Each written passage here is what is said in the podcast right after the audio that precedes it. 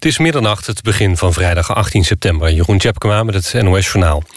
De gemeenten hebben in korte tijd 2000 slaapplekken geregeld voor asielzoekers. Vanmiddag riep het ministerie van Veiligheid en Justitie... de burgemeesters in Nederland op om vandaag nog 750 slaapplekken klaar te maken. Volgens staatssecretaris Dijkhoff hoeft niemand op straat te slapen. Wel zegt hij dat het elke dag weer spannend zal zijn... of er voldoende opvangplek is. Minister van de Steur nodigt de politiebonden uit... om de komende dag te praten over de CAO. Dat heeft premier Rutte gezegd. Wat van de Steurs inzet is, is niet bekend. De politiebonden zeggen het gesprek niet uit de weg te gaan. De FIFA heeft secretaris-generaal Jerome Valk op non-actief gezet. In een verklaring zegt de Wereldvoetbalbond dat het besluit te maken heeft... met een reeks beschuldigingen. Valk zou betrokken zijn geweest bij gesjoemel met de verkoop van kaartjes voor het WK. Ajax is de groepsfase van de Europa League begonnen met een gelijkspel. In de arena werd het 2-2 tegen Celtic. Ajax scoorde pas in de slotfase de gelijkmaker. Groningen en AZ verloren hun eerste groepswedstrijd. Olympique Marseille was met 0-3 te sterk voor Groningen... en AZ ging in Belgrado met 3-2 onderuit tegen Partizan. In Amsterdam zijn voor en na de wedstrijd van Ajax tegen Celtic... 27 mensen aangehouden... Voor de wedstrijd werden in het centrum tien Nederlandse fans... van een rivaliserende Nederlandse club opgepakt. Welke club dat is, zei de politie niet. Later op de avond zijn nog 17 mensen aangehouden... voor belediging, mishandeling, dronkenschap of verstoring van de openbare orde. Het zijn Schotten en Nederlanders. Smiddags waren er ook in Groningen wat relletjes... met supporters van FC Groningen en Olympique Marseille. De Bijenkorf stopt met de drie dwaze dagen. In oktober is de laatste editie van de stuntdagen, schrijft de Telegraaf. De Bijenkorf wil zich meer richten op het hogere segment... en daar passen volgens het Warenhuis geen prijsgedreven promoties meer bij. De drie dwaze dagen werden voor het eerst gehouden in 1984. Het weer vanuit het westen opklaringen. De komende dag lokaal kans op een bui. Er is af en toe zon en het wordt maximaal 18 graden. Dit was het NOS Journaal. NPO Radio 1. VPRO. Nooit meer slapen.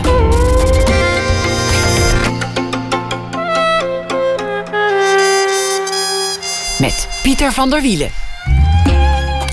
Goedenacht en welkom bij Nooit meer slapen. Zometeen na één uur hoort u Francine Hoeben. Zij heeft een eh, prestigieuze opdracht binnen een prestigieuze opdracht van je welste. Ze mag de Public Library van New York onder handen nemen. Dat ook eh, graffiti-artiesten niet meer van de straat zijn, merkte onze verslaggever Emmy Colau. Want zij ging een graffiti-artiest interviewen en trof hem samen met zijn perswoordvoerder. Het gevolg van dat gesprek hoort u ook zometeen na ene. We beginnen met Jeroen Teunissen. Hier woon je is de titel van zijn nieuwe dichtbundel. Opgedragen aan zijn pasgeboren zoon. Het is een uh, verwondering over het leven. Hoe leg je het eigenlijk ooit uit aan iemand wat dat is, leven? En hoe bereid je een man voor op dat leven? Op de liefde, de teleurstellingen, de masturbatie, de evolutie, de zwaartekracht. Jeroen Teunissen werd geboren in 1977 in Gent, schreef al boeken, romans. De Omwegen en Onschuld uh, waren twee bekende boeken. Dit is zijn uh, derde dichtbundel. Welkom Jeroen Teunissen. Goeienacht. Dat, dat moment dat je, dat je vader wordt, wat, wat, uh, wat, kun je daar eigenlijk over vertellen? Heb je een herinnering aan de conceptie bijvoorbeeld? Weet je op welk moment dat kind precies verwekt is? Um, uh, tja, ja, ik heb wel bepaalde herinneringen natuurlijk aan, het, uh, aan, aan, de conceptie. Um, en ik herinner mij ook nog het moment waarop, um, uh, waarop we te horen kregen dat, uh, dat er een kind op komst was. En, en dat jij dus ook, vader zou en worden? En dat ik vader zou worden. Ja, ik weet ook dat ik dat... dat was, dat was s'nachts, want we waren al gaan slapen. We kwamen van een feestje terug. En, um, en mijn uh, mijn vriendin had bloed laten trekken omdat ze zich een beetje, een beetje slap voelde.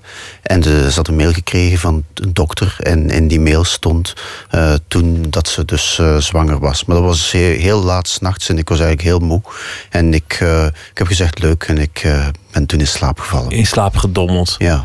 Eigenlijk toch ook niet, niet bij machten dan kennelijk om, om de grootsheid van die mededeling ten volle te omvatten. Nee, zoiets kan je natuurlijk alleen maar um, echt echt met, met, uh, uh, met een terugblik kan je dat pas werkelijk beseffen, denk ik. hetzelfde bij de geboorte. Geboorte is natuurlijk iets, iets, iets fenomenaals en iets fascinerends en, en, en iets wat heel krachtig is.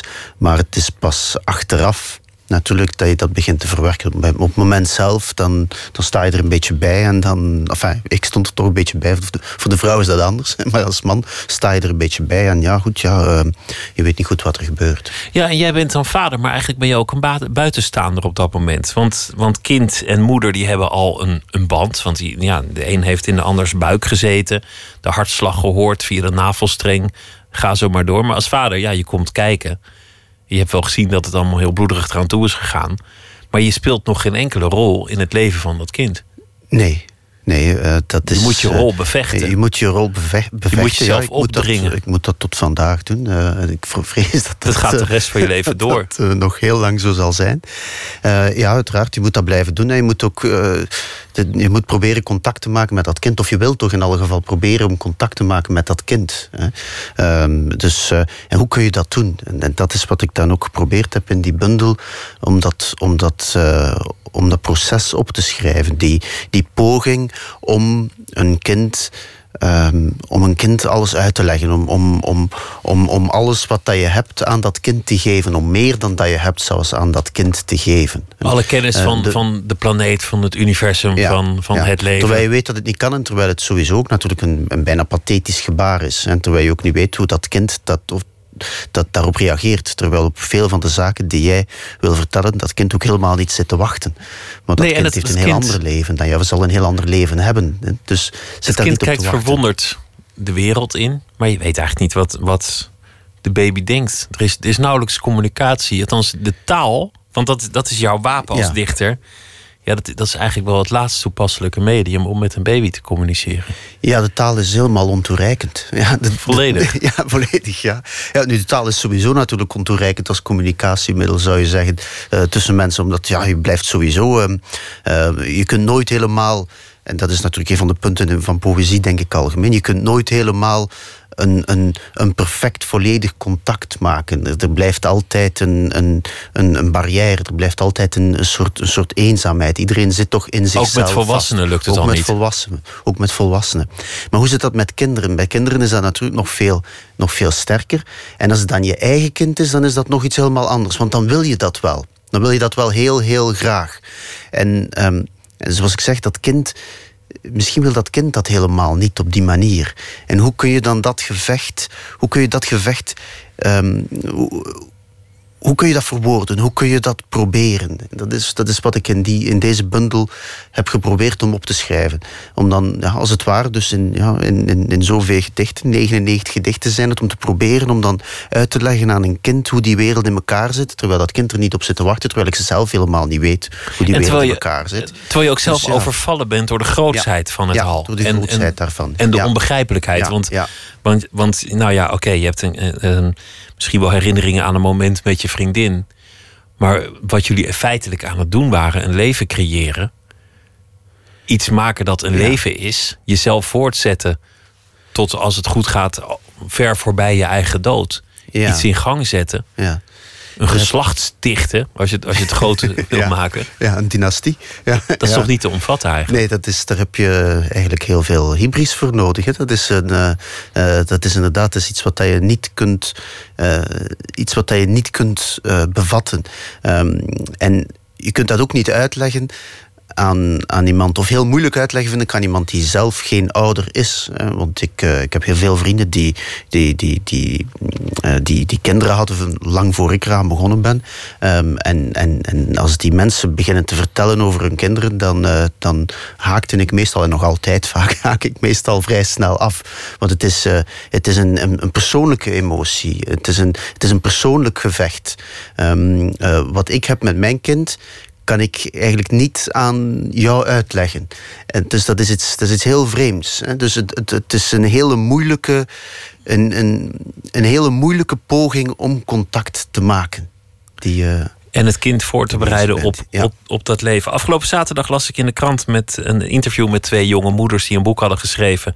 Naar eigen zeggen om eh, jonge aanstaande moeders ervan te weerhouden. Dat, dat interview stond bol van de verschrikkingen. Van, van eh, nou ja, de, de barenspijnen en, en de, de narigheid van borstvoeding. En de asocialiteit van het kind dat, ze, dat zijn, zijn bammetjes in zessen gehakt wilde worden.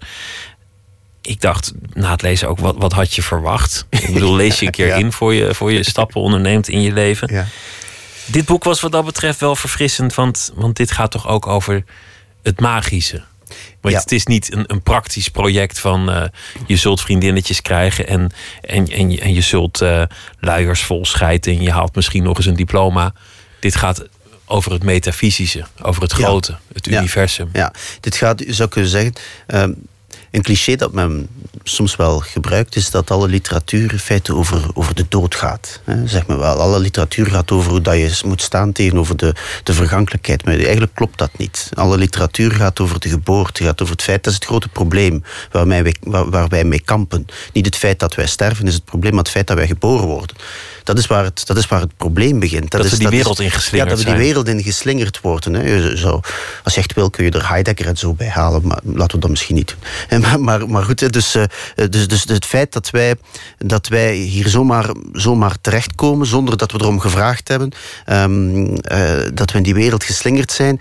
en, en, en, en dat we die moeten, moeten bevatten. Dat we die moeten proberen, dat moeten proberen om er grip op te krijgen op die wereld. Zoals Dat het grote Morrison's song Ja. Into this world we're thrown like a dog without a bone. Ja, voilà. Ja, zoiets, inderdaad. Ja. En, en, en goed, hoe moet je daarmee om? En dat mysterie, die onbegrijpelijkheid.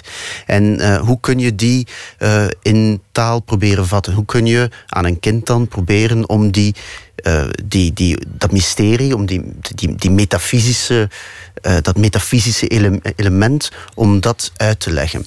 Ehm, en natuurlijk vandaag de dag leven in een tijd ehm, van, eh, waar een heel groot vertrouwen is in de technologie, ehm, in, eh, in de wetenschap, waar men zegt dat eh, waar, je, waar je bijna het woord metafysica niet meer mag gebruiken.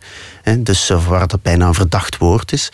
Ehm, maar er blijft, zelfs op het moment dat alles verklaard is, blijft er een mysterie. Natuurlijk, want, is- want stel we hebben de oerknal verklaard, dan, dan, nou ja, zeg dan is het deeltje X en deeltje Y in conditie eh, Z. Ja. Dan nog wil je weten waar die deeltjes dan vandaan komen en Ja. die condities. Inderdaad, ja. Of waarom ze überhaupt er zijn. Hè. Hoe Er blijft we- altijd een oervraag. Er blijft altijd de oervraag. Waarom is er iets en waarom is er niet niets? Zelfs dat hebben wetenschappers intussen ook al verklaard. Hè. Dus eh, je kunt dat wetenschappelijk eh, verklaren. Ik heb daar een boek over gelezen, ik weet het niet meer precies. En dat heeft te maken met kleine kwantumfluctuaties die optreden in het niets, waardoor het niets iets wordt.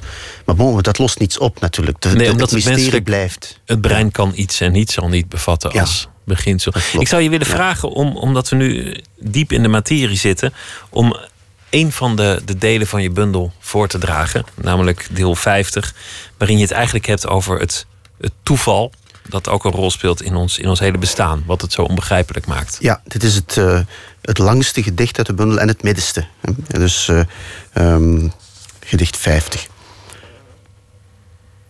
Want als er geen oerknal was geweest, als geen minieme kwantumfluctuaties opgetreden waren, als het heelal in het prille begin niet exponentieel gegroeid was, waardoor die fluctuaties vastgelegd werden en alles uit hen kon ontstaan, als niet een seconde na de oerknal de temperatuur gedaald was tot zo'n 6 miljard graden, als niet enkele minuten later waterstof, helium en lithium waren gevormd, als een proton niet precies 1836 keer zo zwaar als een elektron was geweest, als het heelal niet voldoende afgekoeld was voor de vorming van stabiele atomen, zonder donkere materie en zonder donkere energie, als niet de zwaartekracht haar werk gaan doen was, waardoor patronen ontstonden, superclusters en superholtes. Als niet de eerste sterren waren gevormd en als die sterren niet als uien verschillende rokken hadden gehad, met steeds nieuwe en zwaardere elementen. En als die sterren vervolgens niet in een supernova-uitbarsting deze elementen in de kosmos hadden gespuwd als het melkwegstelsel niet was gevormd.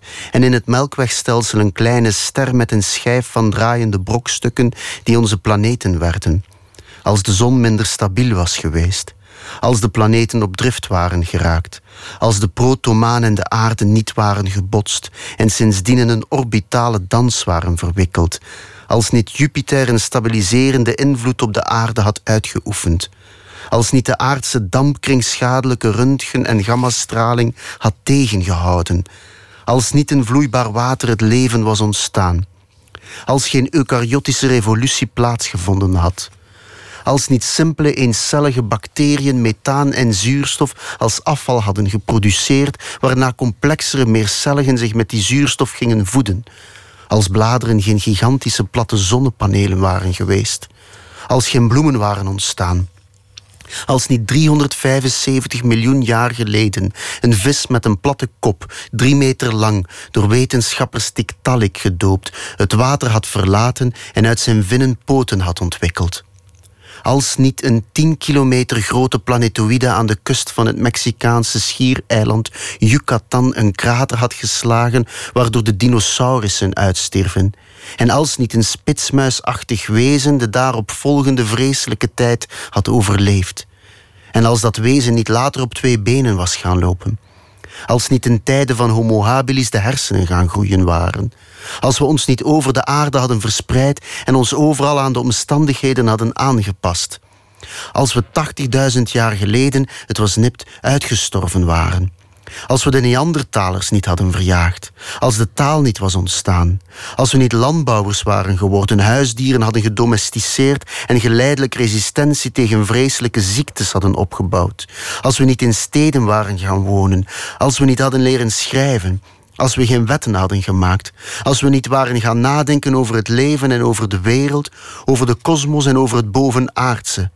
Als er geen technische vooruitgang was geweest als er geen agrarische revoluties hadden plaatsgevonden, als een van je rechtstreekse voorouders te jong gestorven was in een oorlog, als de Russische luitenant-kolonel Stanislav Petrov niet op 26 september 1983, toen je ouders zes jaar oud waren, een kernoorlog had voorkomen door de koelbloedigheid te bewaren toen het waarschuwingssysteem verkeerdelijk aangaf dat Amerikaanse intercontinentale raketten op weg waren naar de Sovjet-Unie als je ouders niet dezelfde studie hadden gevolgd aan dezelfde universiteit.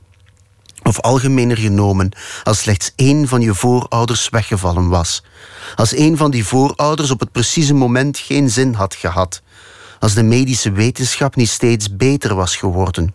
Als we niet wel doorvoed waren geweest. Als je moeder die dag had moeten werken, of als je vader die dag had moeten werken. Als net op dat moment de telefoon was gegaan.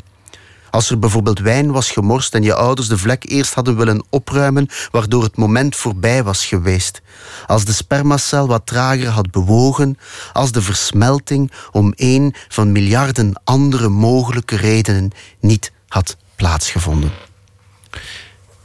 Ja, dan had je het ook nooit geweten. Dat is eigenlijk het merkwaardige. Hè? Ik bedoel, dit is de hele voorgeschiedenis naar jouw bestaan. En ook maar één stapje had anders kunnen gaan.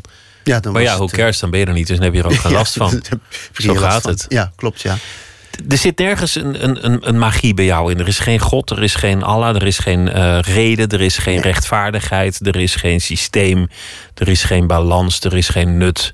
Het is allemaal uiteindelijk toeval en, en natuurwetten, die zijn er nou eenmaal. Ja, ja, maar die zijn ook toevallig maar zo ontstaan waarschijnlijk. Ja, dat is nu eenmaal hoe de zaak, eh, hoe de zaak zit. Hè. We zijn niet meer dan toeval. Dat is, dat is nu eenmaal zo'n heel klein toeval. eh, ja, goed, eh, voortgekomen uit, uit het feit dat op een gegeven moment, zo'n 4 miljard jaar geleden, er leven is ontstaan. En dat is gaan Kleine evolueren. Dat- dat- fluctuaties tussen- kleine fluctuaties. deeltjes ja, en inderdaad. Dat, dat, dat, dat is alles. Ehm, eh, ja, dat, dat is alles. Maar eigenlijk is tegelijkertijd ook natuurlijk ontzettend veel. Want we zijn er toch maar. Hè. Eh, het, het, het, het is er toch maar. Het is ook, het is ook prachtig. En het is een, een mysterie dat we het allemaal kunnen, eh, kunnen zien en kunnen, en kunnen meemaken. Ehm, dus het Kun, is, kun je het, accepteren dat het, dat het totaal zinloos, zonder reden, eh, uit toeval ontstaan, futiel, willekeurig en ergens ook weer gigantisch onbelangrijk is? Nee. Nee, je kunt het niet accepteren, vind ik. Nee. Ik kan het niet accepteren. Ik, ik, denk niet, ik vind ook niet dat iemand dat moet accepteren. Ehm, Maar wat is er tegen te doen? niks. Is, is schrijven een manier om daartegen te strijden? Om, om toch een soort eh, belang aan dingen terug te geven? Ja, ik denk het wel, ja. ja. Het, is, eh, het is een gevecht. Het is een gevecht tegen de bierkaai natuurlijk. Het is een gevecht dat je nooit kunt winnen. Maar het is, eh, het is wel een dergelijk gevecht, dat denk ik wel. Ehm, als, ik, als ik het mag zeggen, met, uh, met mijn, mijn favoriete filosoof, dat is Albert Camus, dan is het, dan is het uh, de, de revolte, de opstand, de, de metafysische opstand. Het moment dat je, um, je hebt een soort, een soort ontevredenheid in jou. Camus zegt eigenlijk van het moment dat je in opstand komt, je komt in opstand van zodra je geboren wordt, zegt hij. En het feit dat je in opstand komt, daardoor ben je niet meer alleen. Want in opstand kom je altijd samen met anderen. Daar, daarin ontstaat je, je, je contact en je solidariteit. Het feit dat je niet akkoord bent. Het feit dat je probeert om meer te zijn, toch dan alleen maar um, uh, dat kleine, ja, dan alleen maar, ik weet het niet, dat kleine stipje op een, op een kiezelsteentje rond een, uh, rond een zon, uh, rond een ster, kleine ster, ergens achteraf of ergens op het einde in een buitenwijk van, van het melkwegstelsel. Dus, dus goed, um, het feit dat je niet akkoord bent Um, het feit dat je toch probeert meer te zijn, dat is wat, wat je mens maakt, denk ik. Zoals hij ook schreef, uh, Sisyphus, die de, die de Ja. steen Ja. de berg oprolt. Niet omdat hij gestraft is, maar uiteindelijk omdat hij er gewoon schik in krijgt. Die, de, die uiteindelijk gelukkig is omdat hij bezig is met die steen de berg op te rollen. Al weet hij dat de steen op het moment dat hij boven is opnieuw naar beneden gaat en dat hij helemaal opnieuw mag beginnen. Dus ehm, ja, eh, eh, maar je kunt het niet, ik vind niet dat je het kunt accepteren. Nee, je kunt eh, zoiets als de, als, de dood of, of gewoon het, het leven zomaar accepteren kun je nooit doen. Nee. In een van je vorige boeken, eh, De Omwegen, Ja. speelt de dag dat Kurt Cobain zelfmoord pleegde een centrale rol. Ja. Het is namelijk de dag dat drie hoofdpersonen 18 jaar oud worden. Een, een dag die eigenlijk op verschillende manieren in dat boek terugkeerde. Waarom Kurt Cobain? Omdat ik zelf, eh, omdat ik zelf, ten eerste omdat ik zelf natuurlijk, ik was niet 18, ik was 17 toen eh, Kurt Cobain eh, stierf. Ehm, eh, omdat, ja, omdat dat mijn generatie is, denk ik, dan op dat moment. En ehm, eh, dus dat is, de, dat is de eerste reden natuurlijk. Maar het is wel een, een, een, een, een, een bepalend moment, denk ik, voor toch wel voor een bepaalde generatie van die, die in de jaren negentig eh, eh, opgegroeid is. Dat denk ik wel. Het grote talent dat ons bevrijdde van de jaren 80, want Ja. zo verschrikkelijk waren die. En, en die eigenlijk binnen een paar jaar er vandoor ging. Ja, ja, en die diepe wanhoop natuurlijk. Hè. Ehm, eh, wat Kurt Cobain kenmerkt is die diepe ontevredenheid, die diepe wanhoop, die, die, die eigenlijk geen, eh, die niet meer zoals pakweg in de punkgeneratie een soort, een soort kwaadheid is tegen, eh, tegen, tegen het systeem of tegen alles. Het is geen kwaadheid meer, maar het is een soort diepe melancholie geworden. Een soort diepe, ja, diepe, diepe onoplosbare melancholie. Dat is denk ik wat die Ehm, wat, die, wat die jaren 90, wat die grunge muziek eh, ehm, en wat Kurt Cobain waar hij voor staat. We gaan luisteren naar eh, eh, Nirvana. En dan niet eh, eh, scheurende gitaren en hakken, maar het, eh, het nummer Polly. Ja.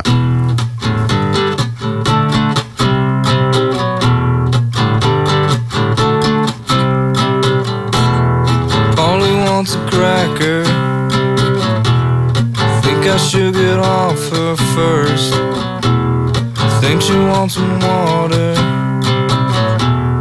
to put out the blowtorch. Isn't me have a seat? Let me clip dirty wings. Let me take a ride. Cut yourself. Want some help? please myself. Got some rope, haven't told. Promise you, haven't true. Let me take a ride, cut yourself. Want some help, please myself.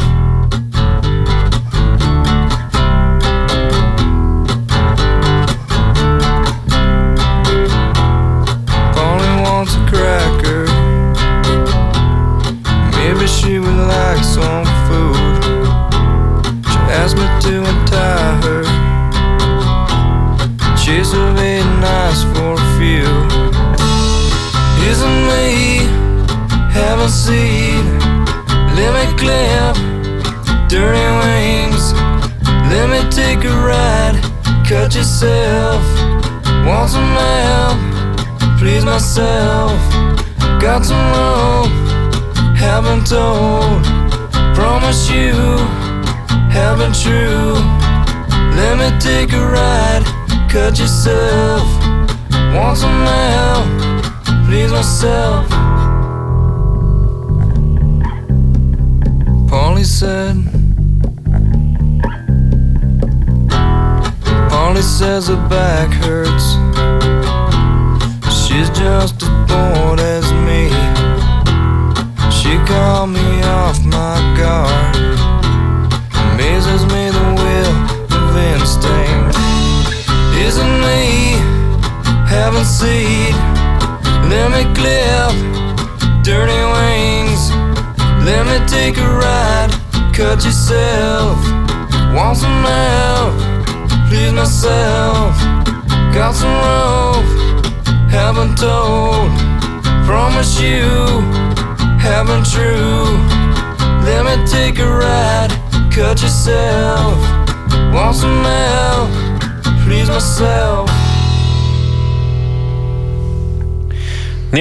Met Kurt Cobain was dat. Polly. Nooit meer slapen in gesprek met Jeroen Teunissen. Naar aanleiding van een nieuwe dichtbundel Hier woon je.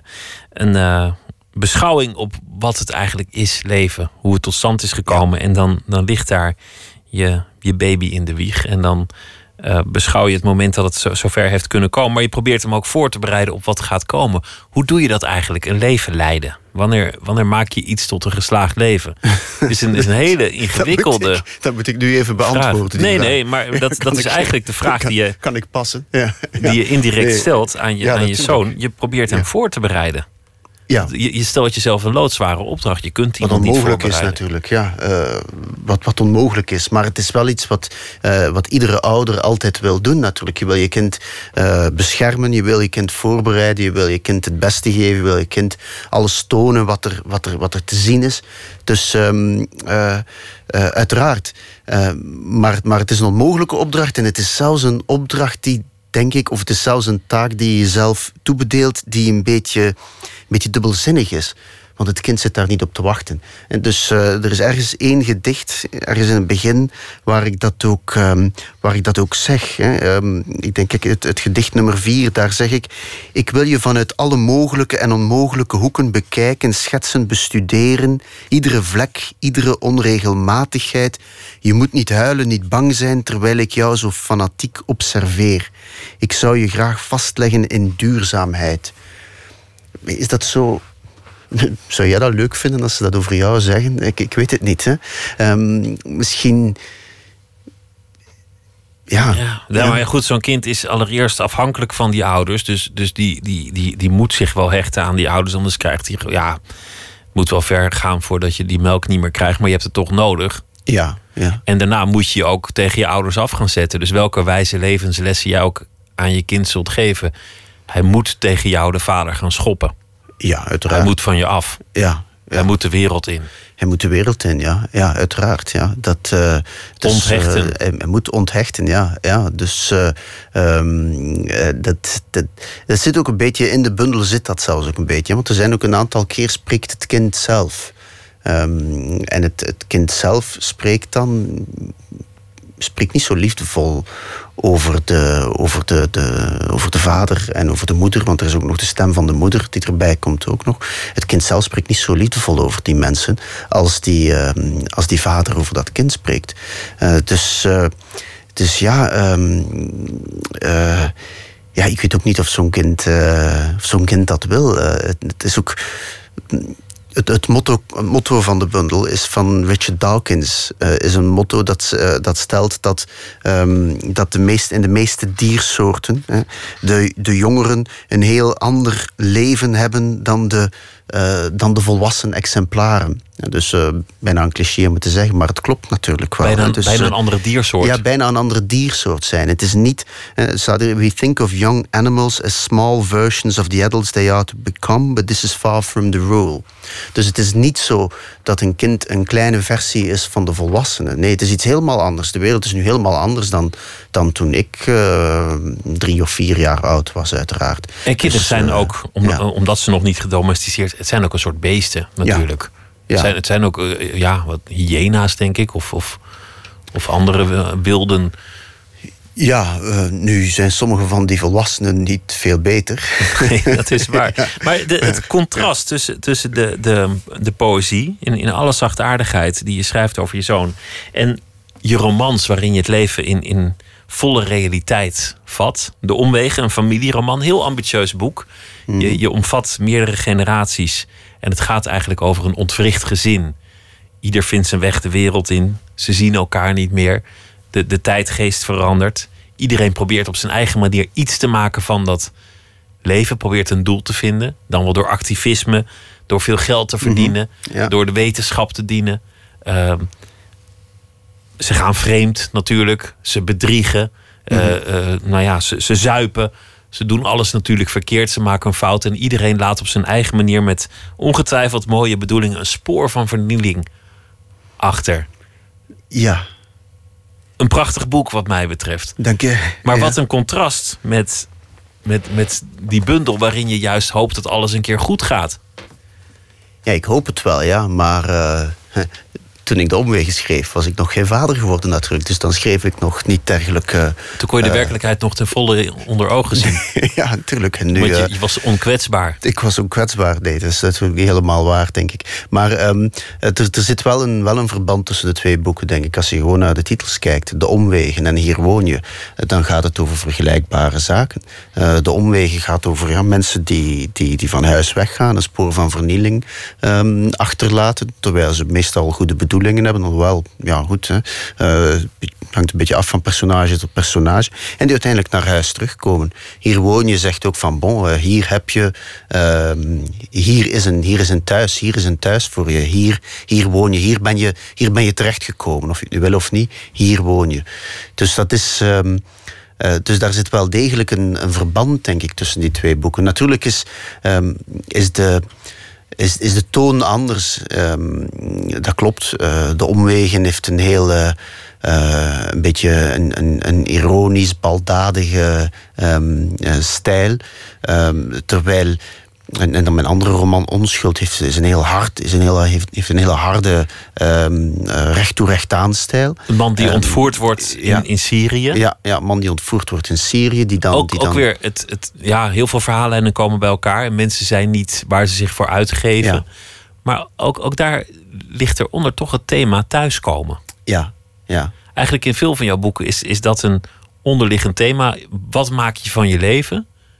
Hoe, ja. hoe, zoek je vervulling in dat toch zinloze bestaan?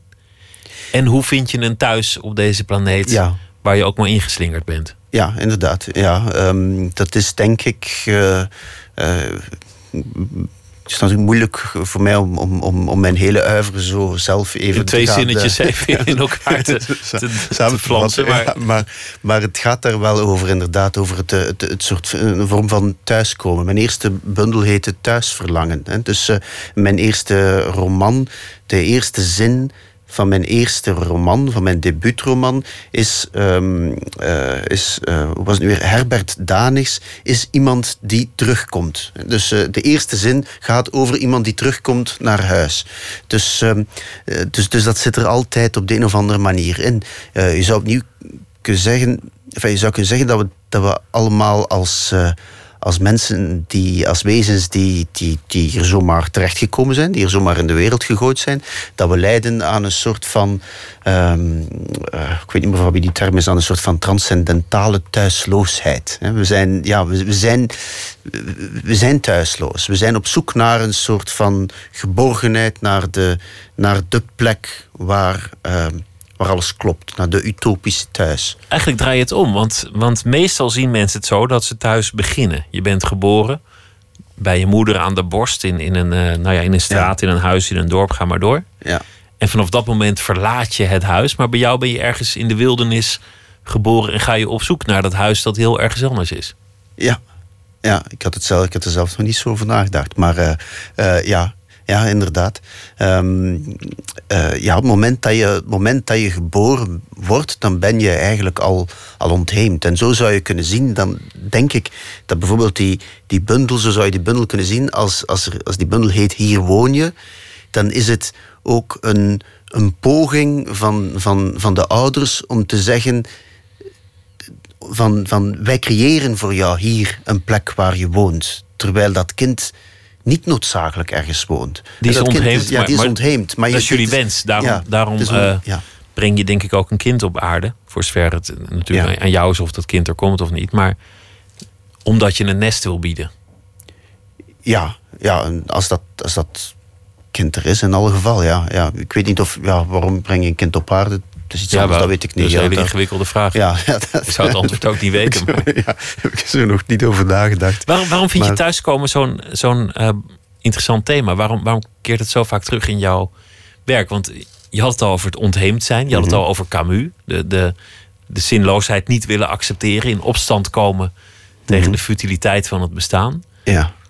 Daar lijkt het mee te maken te hebben. Ja, eh, ja eh, waarom is dat? Het is in alle geval zo dat ik ehm, in de eerste plaats, eh, in, in, in wat ik schrijf, dat ik een, soort eh, eh, metafysische onmacht die we hebben probeerd te, te beschrijven.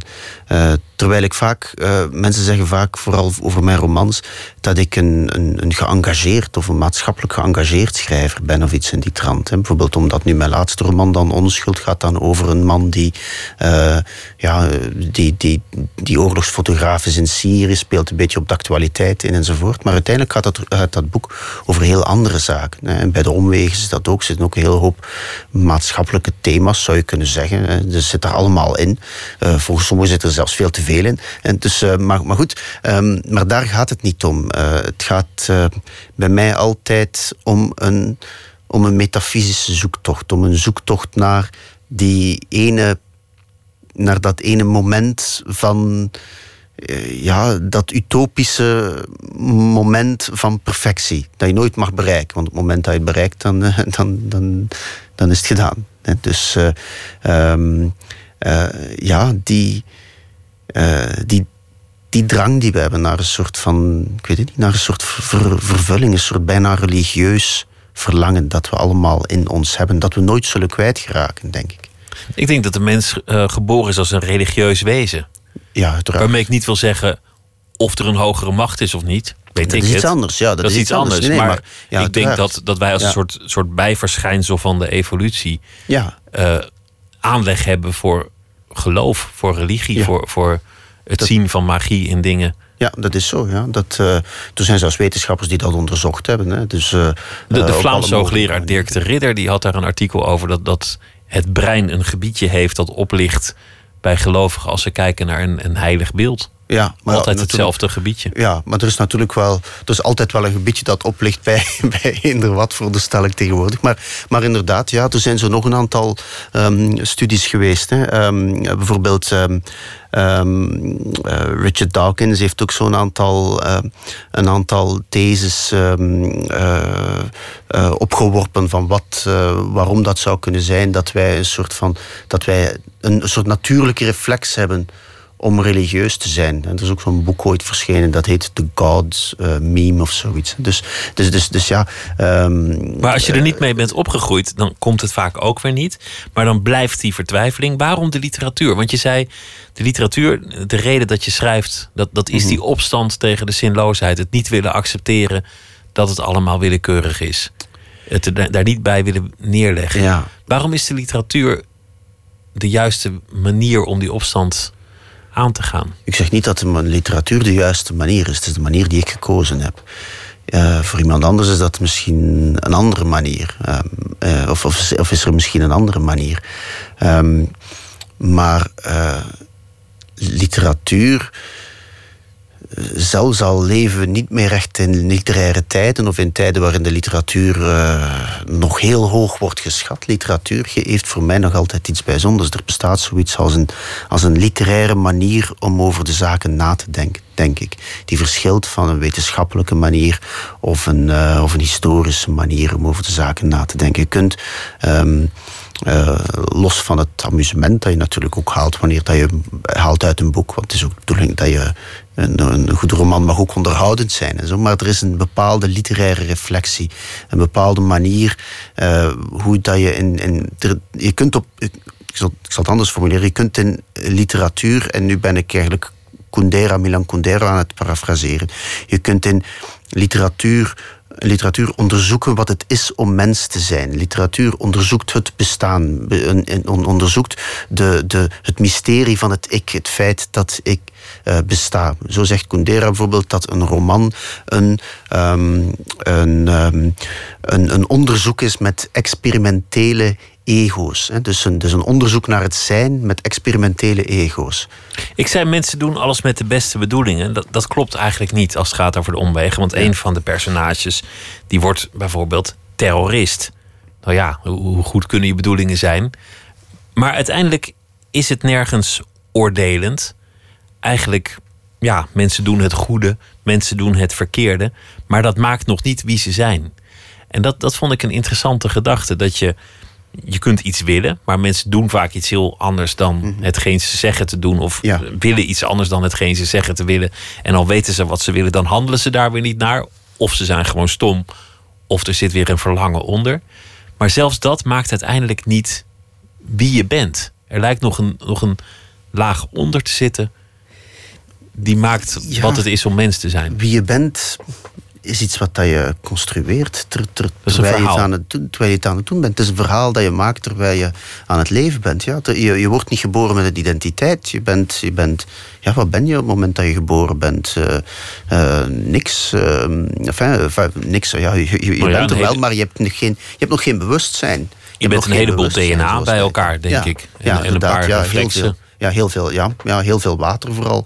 En, uh, en, en, DNA en een paar reflexen, dat, be, dat ben je meer niet. En de rest uh, construeer je zelf um, terwijl je terwijl je onderweg bent. En je bent voortdurend jezelf verhalen aan het vertellen terwijl je weg bent. Eh, dus, dus, terwijl je onderweg bent. Je bent voortdurend je eigen identiteit aan het construeren. En terwijl je dat aan het doen bent, ben je ook voortdurend uh, jezelf leugens aan het vertellen. Dus uh, um, bijvoorbeeld een van de verklaringen van, de, van, van onze, onze gedachte dat wij een vrije wil hebben, is gewoon dat dat een. dat, dat een dat die, dat die die gedachte van de vrije wil, dat dat gewoon een evolutionair uh, handige manier is om onze identiteit bij elkaar te houden. Kortom, wij zijn taal. Want dat, dat zit ook in je dichtbundel. Ja. Is de taal eigenlijk wel een toereikend middel om iemand uit te leggen wat het leven is en, en hoe je het leven moet leiden? Jij zegt nu, het is een narratief, het is een verhaal. Jouw identiteit, dat is ook maar een constructie van de werkelijkheid je hebt er een verhaal van gemaakt, of anderen hebben er een verhaal van gemaakt. Ja. Ja, dus alles is taal uiteindelijk. Alles is. Uh, ja, alles is, alles is taal. Wel, ja. Um, ik wil ook niet uitkomen in zo'n in zo'n soort, uh, zo'n soort relativeren van, van dat alle verhalen gelijk zijn en, enzovoort. Of dat alle. Dat, um, uh, dat, of, enfin, alles is taal. Ja, alles is, een, is, is het verhaal. Ja, alles is een interpretatie. Kijk, je kunt niet. Um, uh, je, ik heb, wanneer ik een zintuig gebruik, dan uh, wanneer ik iets voel bijvoorbeeld, dan, uh, dan heb ik een reflex en die gaat naar mijn hersenen en mijn hersenen moeten die interpreteren. Dus die zijn al een die zijn op dat moment al een verhaal aan het maken. Dus in die zin, inderdaad, is alles een, een, een, constructie wel. Je bent voortdurend aan het construeren. Uh, doe je dat met taal? Um, dat is voor ons de belangrijkste manier, denk ik, hoe wij ons bewustzijn construeren. Dat denk ik wel, ja. Laten we gaan luisteren naar uh, muziek van de Britse singer-songwriter Jake Isaac. En uh, hij heeft een beetje een mooie rauwe soulstem. We gaan luisteren naar een nummer met de titel I'm a Man.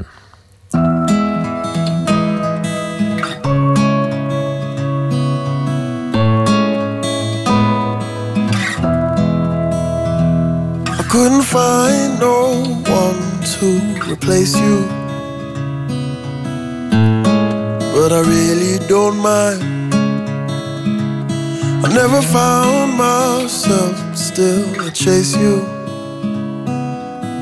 Don't mean to waste your time. With another love I'd be empty. Cause you knew me too well. Now I'm breaking all the rules. No pretending. No, I can't help myself been here once before, but I swear I love you more. These words I pray will change your heart.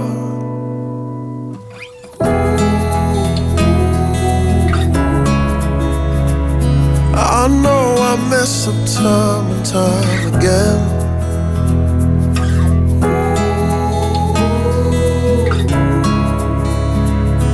But darling, I'm not perfect. I'm a man.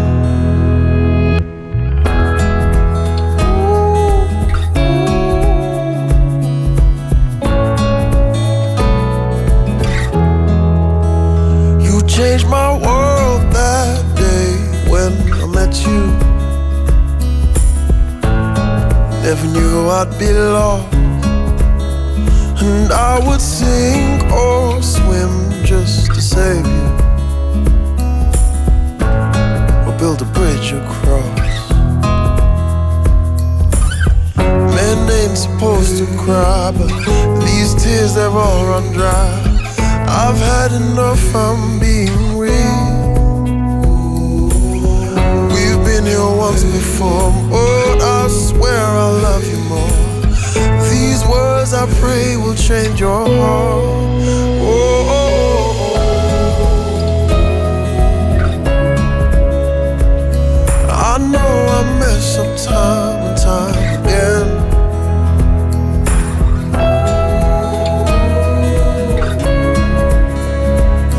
But darling, I'm not perfect. I'm a man.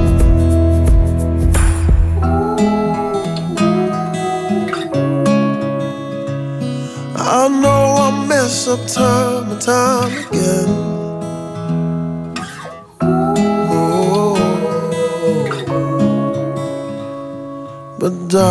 I'm not perfect. I'm a man. Jake Isaac, I'm a man. Nooit meer slapen in gesprek met Jeroen Teunissen, dichter en schrijver uit Vlaanderen met eh, een bundel uit Hier woon je. Het is allemaal toeval en kleine fluctuaties tussen kleine deeltjes en daaruit komt dan een universum voort. We begrijpen er eigenlijk helemaal geen donder van, maar we zitten Ja. hier aan de, ergens in de periferie van het universum op deze planeet. En dan zijn we ook nog door een toevallig moment dat er niet een wijnvlek was en niemand hoefde te schrobben. En je ouders de liefde bedreven en jij toevallig als zaadje iets harder rende dan de rest. Ben je dan geboren deze wereld ingeslingerd en vanaf dat moment zei je ben je ontheemd. Er is niet Ja. een reden, er is geen zin. Het heeft eigenlijk allemaal geen nut. Er is ook niet een rechtvaardigheid of een moraal. Maar we zijn wel op zoek naar een huis. En we moeten iets maken van dat leven. En juist daarom, dat gevecht tegen de zinloosheid, ben je gaan schrijven. De opstand, zoals Albert Camus het noemde.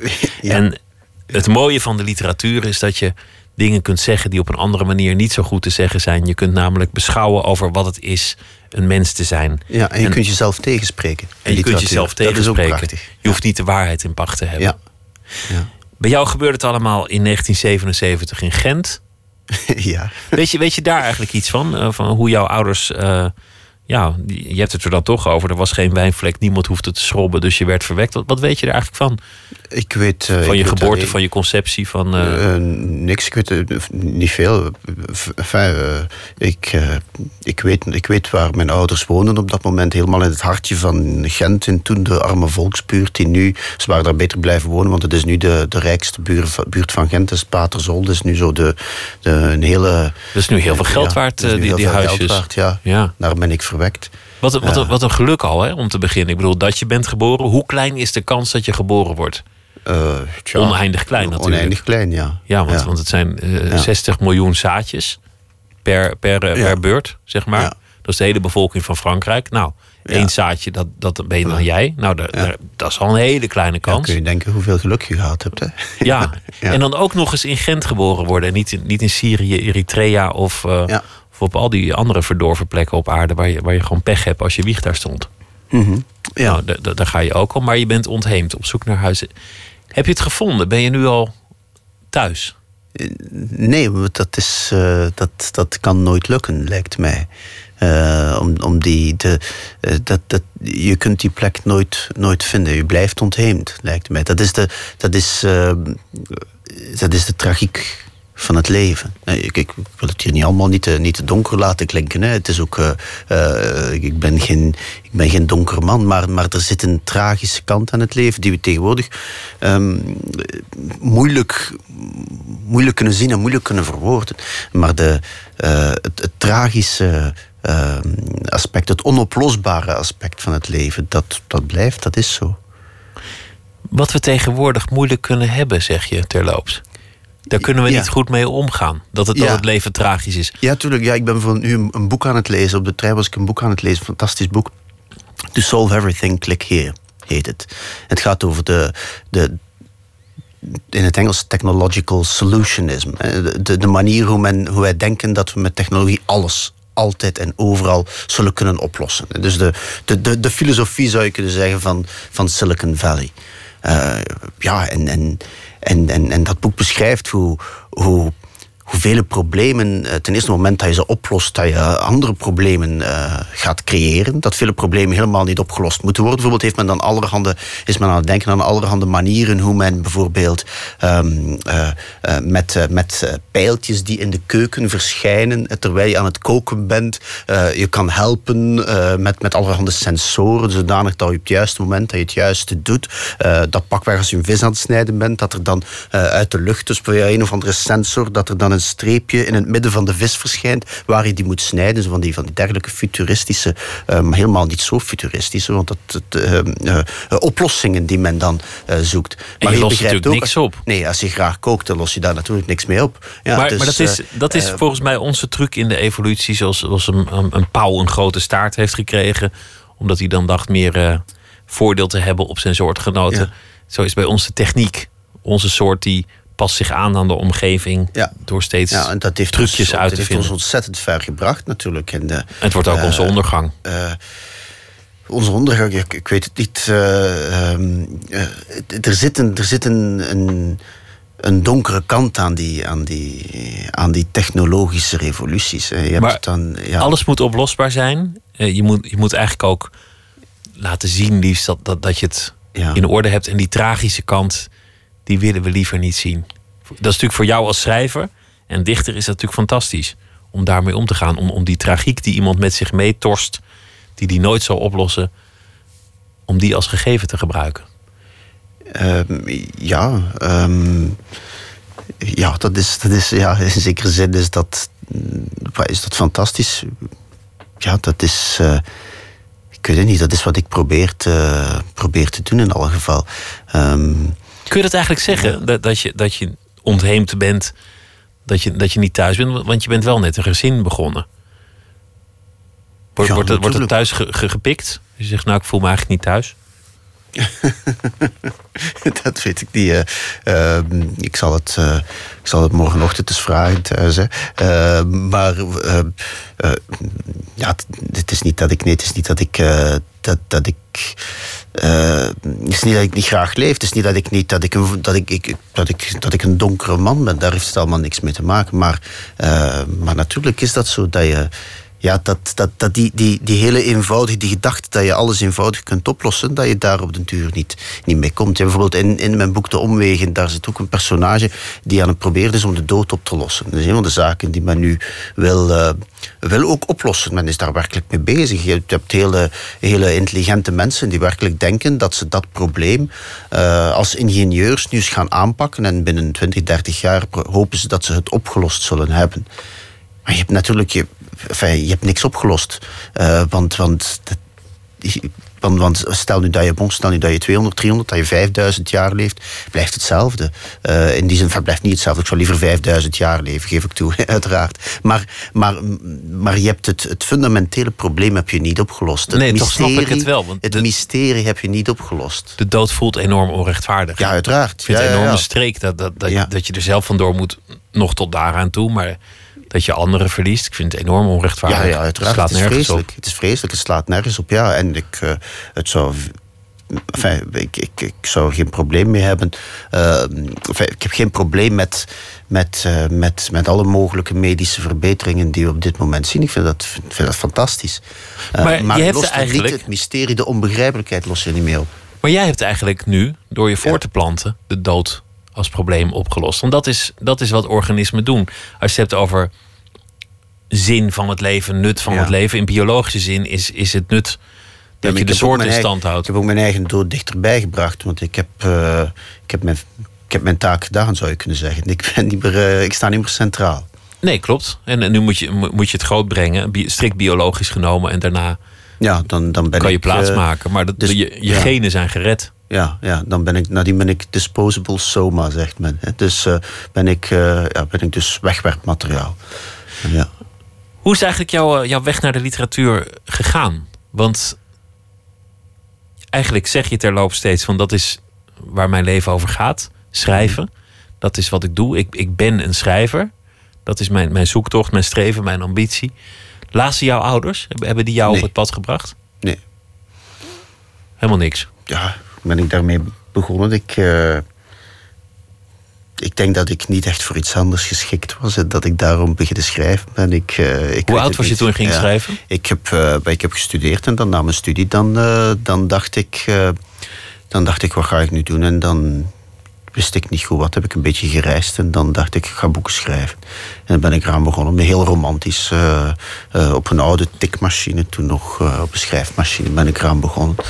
Ehm, ja, zo is, zo is dat gegaan. Maar ehm, zit daar een, welke onderliggende drang zit daarin? Dat, eh, eh, dat weet ik niet. Het een- Scheppingsdrang, ja, denk ik toch? De scheppingsdrang, ja. En ook een, ja, een soort, eh, toch bijna... Het is, het, is, het is pijnlijk om het te zeggen, maar toch bijna een soort van esthetische afkeer van het, van het nuttige. Klinkt zeer hautain, hè? En zo bedoel ik het niet. Maar toch ook een soort, ja, ehm, een soort afkeer van, het, van, van, van iets te doen, van, van, van in de pas te lopen, van, van mee te gaan in dat, in dat wat van mij als, als nuttig element van een samenleving wordt verwacht. Ik wil altijd aan de zijlijn, aan de zijlijn blijven staan en kunnen kijken. En dan eh, er het mijne van denken en het dan in eh, mooie literatuur ehm, ja, gieten. Dat is wat ik het liefste doe. Je wil, je wil eigenlijk een zin geven aan alles, maar je wil niet een god daarvoor nodig hebben. Maar eigenlijk ben je als schrijver ook zelf een beetje god geworden. Je creëert zelf nu werelden en mensen. Ja, maar ja, goed, ja. Het is nu niet als ik, eh, als ik opsta en, eh, en een, koffie, een, een kop koffie neem en dan aan mijn bureau ga zitten, dat ik denk, zo, nu God ga ik even dus God spelen. God Nee. gaat dus aan het werk. Nee, dat, eh, zo zit het, niet, zit het niet in elkaar. Het is wel, ja, het is wel een klein oeuvre geworden ja. inmiddels. Ik bedoel, je hebt, je hebt al aardig wat romans geschreven. En, en eh, hoeveel zijn het er? Zes inmiddels? Zes, ja. En, ja. en drie dichtbundels. ja. En dan ook nog andere dingen die je doet, essays. ja. Er, er komt een soort punt dat- het niet meer een experiment is.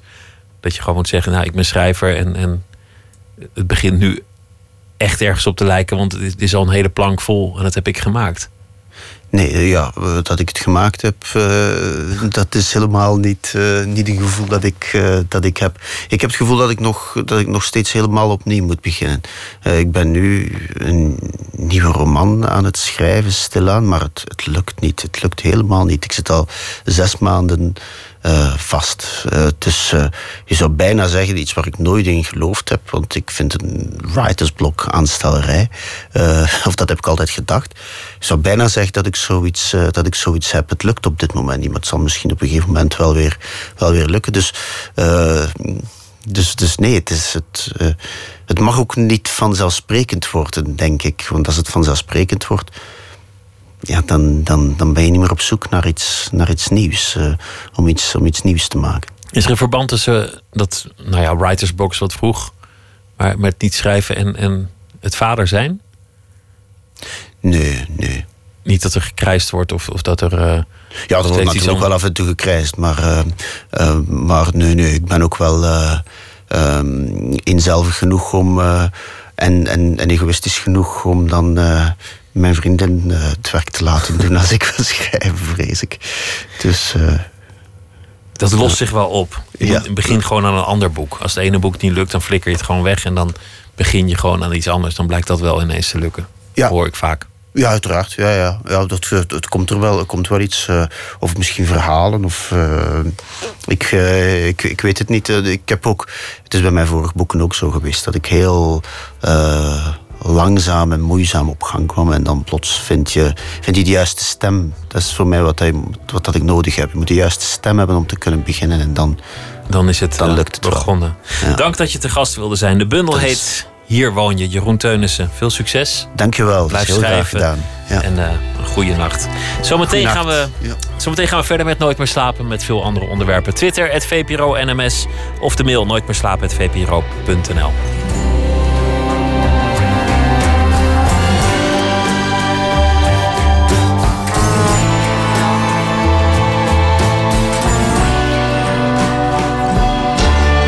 Radio 1.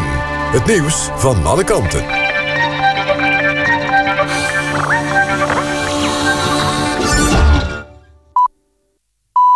Is 1 uur, Jeroen Tjepkema met het NOS Journaal. D66-leider Pechtold heeft kritiek op Kamervoorzitter van Miltenburg... omdat ze niet ingreep toen PVV-leider Wilders de Tweede Kamer een nep-parlement noemde.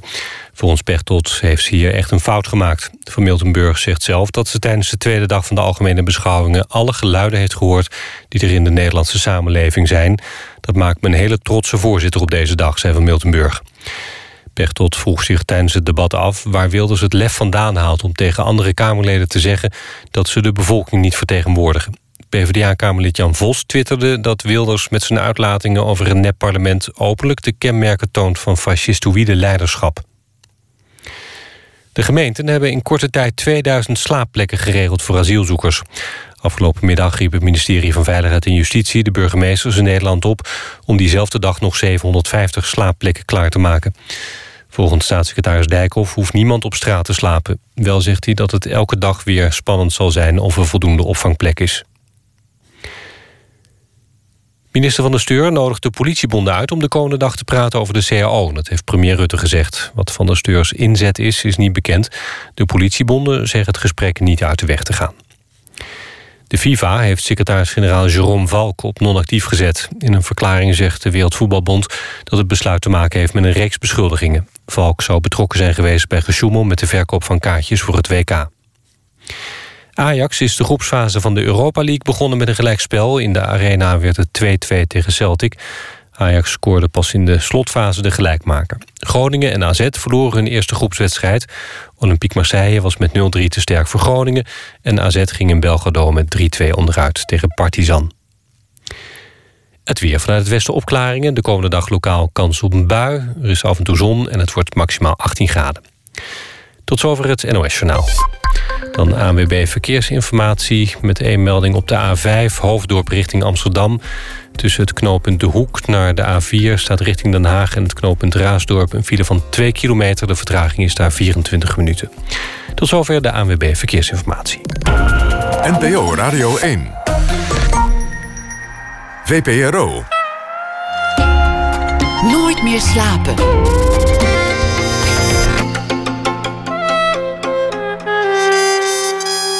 Met Pieter van der Wielen.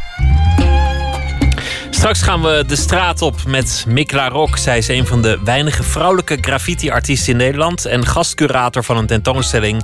Graffiti New York meets de Dam in het eh, Amsterdam Museum. En met actrice Milou Gorter dwalen we ook door de straten... maar dit keer in Kopenhagen. Daar is zij om inspiratie op te doen voor de voorstelling Borgen. We beginnen met Mensje van Keulen dit eh, uur... want zij eh, zal deze week elke nacht een verhaal voordragen over de voorbije dag. En ze heeft gekozen voor de avonturen van twee personages, Bob en Tanja, die we deze week wat beter leren kennen. Mensje van Keulen debuteerde in 1972 en heeft inmiddels een heel oeuvre, ook voor kinderen. Goedenacht, eh, Mensje.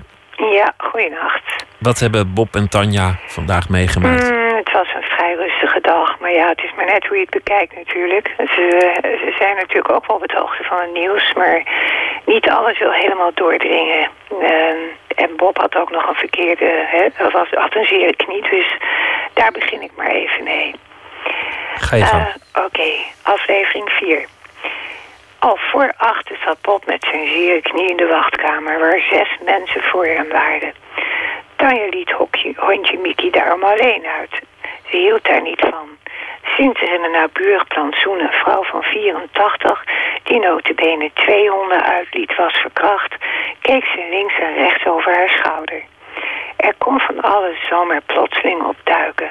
snelle jongens op een scooter, een auto met ongure types, een auto met van die ramen van getint glas die langzaam langs de stoep reed, portieken, halletjes voor winkels die nog niet open waren, overal loerde gevaar.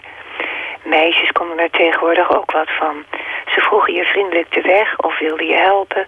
En ondertussen haalden ze alles uit je zakken of schopten je of je hond, nog erger, omver.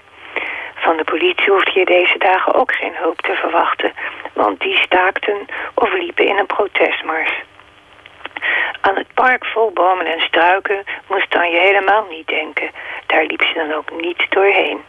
Het beeld van gevluchte mannen met jagende hormonen die zich straks meester zouden kunnen maken van de bankjes kwam weer bij haar op.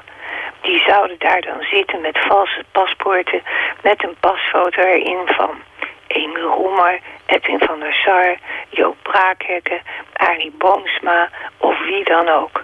Misschien wel Sharon Dijksma met dat korte haar. Zo snel ze kon ging ze weer op huis aan. Wat voor een tackle als Mickey een hoop gedribbel betekende. Pop was er nog niet, maar er wachtte een verrassing. Poes Pop, die Tanja tierig welkom heette. En jawel hoor, Pop was na drie ellendige dagen eindelijk op de bak geweest. Het grit was flink opgegraven en rondgestrooid. Tanja haalde er het schepje doorheen en viste er iets hards uit. Ze bekeek het bij het raam en zag dat het een loodje was. Een loodje van een rookworst. Hoe was dat in godsnaam mogelijk? Dat was ook het eerste wat Bob te horen kreeg toen hij kwam binnengestrompeld en ze hem het loodje voorhield. We eten helemaal geen rookworst, Bob. Hoe kan dat nou? Dan heeft ze dat in de tuin gevonden, zei Bob. Zeker van die nieuwe enge buurmanschuim boven, zei Tanja. Die is niet eng, Tam, zei Bob hoofdschuddend. Jij ziet overal en nodeloos spoken. Het zou een mail van extra kunnen zijn die het vanuit de lucht heeft laten vallen. En jij, vroeg ze, wat zei de dokter? Ik heb een fijne injectie gehad, zei Bob. Als het goed is, loop ik straks weer als een kievit. Op de kievit kan je trouwens ook stemmen voor die nationale vogel. Na dit laatste woord sprong de poes op Bob's schoot en hield niet op met kopjes geven. Het leed leek warempel geleden. Nou, dat hoop ik dan maar voor ze hè, vanmorgen. Want je weet nooit, het kan, uh, hè, er kan ze van alles overkomen. Hè? Bob en Tanja, weer een, uh, een dag voorbij gegaan. En uh, de vluchtelingenproblematiek die blijft toch ook die spoken. Blijft, die blijft er doorheen komen. Ja, god, niemand uh, is daarvan gevrijwaard natuurlijk. Het nieuws zit er bomvol mee. En uh, ja, nou ja, het, het, wordt vol. Wordt aan alle kanten trouwens gebezigd. Uh, voor en tegen enzovoort. Dus nee, dat laten we ook niet onberoerd. Nee. nee. Maar ja, of je nou uh, voor of tegen bent, maakt voor de praktijk uiteindelijk niet uit. Je kan met z'n allen zeggen we zijn tegen vluchtelingen, maar het is niet dat ze dan niet meer komen. Nee, of zeggen we zijn voor. Ja, ook niet echt. Het is meer, en dat hebben natuurlijk heel veel mensen, dat ze bang zijn voor het ongewisse. En dat, ja, het is slecht uh, kijken in de toekomst. En er worden natuurlijk, als je de kranten leest, ook merkwaardige vergelijkingen getroffen... die uh, soms ook helemaal niet kloppen. En uh, nou ja, het is altijd, elk columnist, iedereen maakt zich kwaad en heeft, het, heeft kritiek overal op, maar een werkelijke oplossing is er niet. Oh, de politiek niet. Hoor, nee, maar wat, wat de politiek nooit wil toegeven is dat ze ergens niet over gaan. Dat ze gewoon geen macht hebben. Dat, dat ze er geen controle ja. over hebben. Mm -hmm. Dat, dat is het. Zo'n ja, debat dat, is ook een beetje een toneelstuk. Dat zou toch wel de bedoeling zijn, want daar zijn ze voor gekozen. Ja, maar hoe ga, ja. hoe ga je de bevolking uitleggen? Ik heb er zo mijn mening over, maar niemand luistert, want ik ga er niet over wat ik ook vind. Het zal niks veranderen. Want, ja. Nou, nou, we kunnen nog wel een uur doorgaan zo. Zullen we het niet doen? ik wou dat ik ook de oplossing kon aandragen. Maar... Misschien uh, Bob uh, of Tanja morgen. Ja, wie weet, wie weet. Maar kijk, er was nog meer in het nieuws. En uh, ik, ik, misschien gaan ze wel over Zwarte Piet eindelijk nadenken. Ik weet het niet, dat kan ook nog. Het is niet te geloven dat dan ook, dat ook weer nieuws is. Maar goed, we zien wel hoe het morgen verder gaat. We zien wel. Dankjewel, mensje. Okay. Goeienacht. Goeienacht. Willy DeVille gaan we naar luisteren. Hij, uh, nou ja, ik hoef er eigenlijk weinig over te zeggen. Legende, ooit met Mink DeVille en daarna onder eigen naam Willy DeVille. En we gaan luisteren naar uh, zijn versie van Spanish Harlem.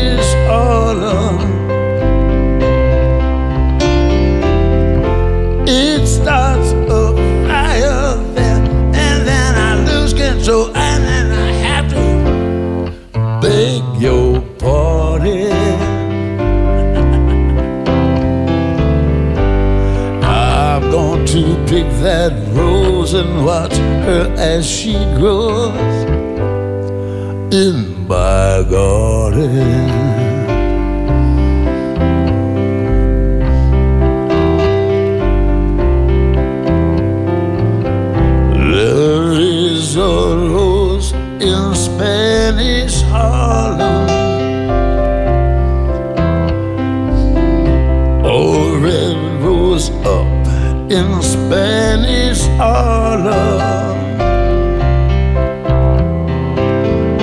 It is a special one. It never seen the sun. It only comes out when the moon is on the run and all the stars are gleaming.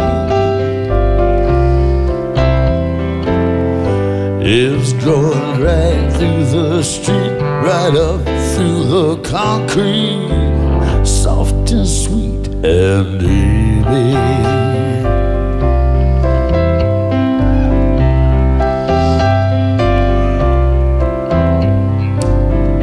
There is a rose in Spanish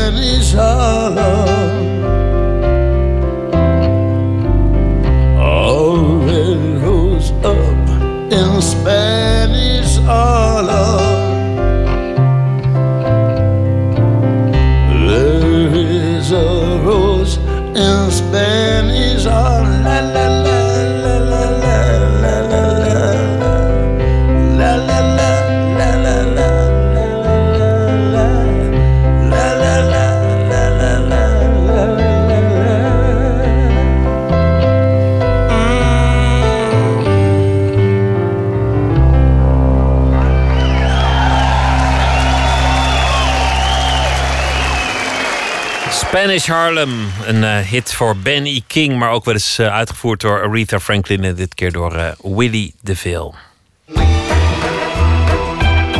Nooit meer slapen. Komend eh, voorjaar brengt het Noord- Noord-Nederlands eh, toneel de Deense hitserie Borgen in het theater. Een tien uur durende voorstelling. Hoofdrolspeelster Malou Gorter reisde vast naar Kopenhagen om wat inspiratie op te doen voor de rol. Ze ontmoet de schrijver van de serie Borgen, Adam Price. En samen met verslaggever Inge Ter Schuren krijgt zij een ware Borgen-rondleiding door de stad Kopenhagen. Was je hier al geweest eh, sinds je weet dat je deze rol gaat spelen? Nee, dit is de allereerste keer en ik vind het heel leuk. Maar ik, ik, ik, we lopen nu naar Christianborg. En ik herken nog niks. Dat vind ik wel eh, fascinerend. We krijgen zo een tour en dan gaan ze allemaal vertellen natuurlijk.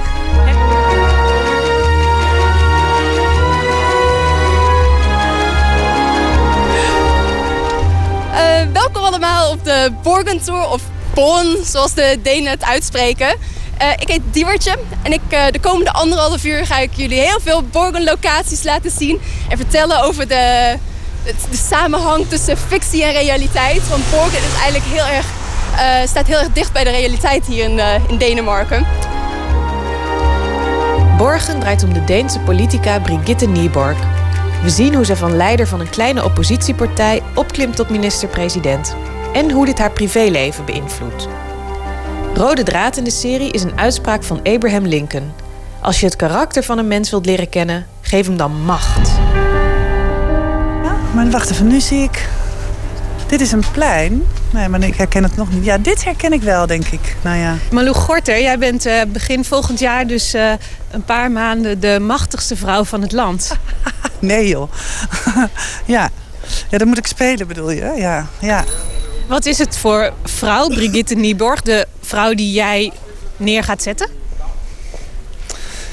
Ja, dat is natuurlijk nu best moeilijk om te zeggen nog. Omdat ik nog niet begonnen ben met repeteren. Maar ehm, in mijn ogen nu is het een hele warme, eh, idealistische, eh, ambitieuze vrouw die steeds, ehm, ja, eigenlijk steeds, steeds nou, niet ambitieuzer wordt, maar steeds, eh, steeds harder wordt. Niet helemaal hoor. Uiteindelijk vind ik dat ze toch trouw blijft aan zichzelf. Maar ehm, ja, de, de macht en, de, en, en haar positie maken haar wel, vormen haar heel erg. En dat is dus heel erg een verloop. Vind ik heel, eh, heel leuk om dat te gaan eh, spelen.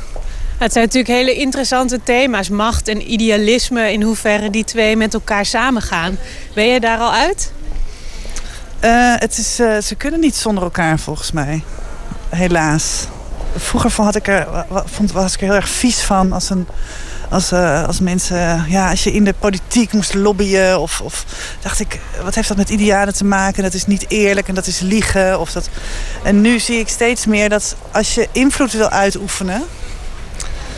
Omdat je, als je idealen hebt, moet je die natuurlijk, dan wil je die, ja, die wil je dan uitdragen. En om ze te kunnen uitdragen heb je een positie nodig of macht, zo je wilt, nodig. En zeker in de politiek. Hoe meer macht je hebt, hoe meer je voor elkaar kan krijgen. Zo is het toch. En voor de buitenwereld ziet het er dan juist heel vaak uit alsof je je idealen verlogent, omdat je soms wel concessies moet doen. Ja, maar ik denk ook wel dat het ontzettend ingewikkeld is dat als die macht eenmaal eh, echt. eh, ja, als die macht er echt is, als je echt macht hebt om dan nog heel trouw te blijven aan jezelf. Ik denk wel dat dat een heel, eh, heel eh, heftig spanningsveld is. Is Brigitte Nieborg iemand die uiteindelijk zichzelf ook verliest? Nee, uiteindelijk niet. Nee. Vind ik. Nee. Jeg går det sgu da ikke af, før vi overhovedet er kommet i gang, altså. Nu må vi finde de der 6 milliarder til den motorvej, og så må vi se at komme i gang. Jeg tror på det her, Ben. Godt. Skriv det i din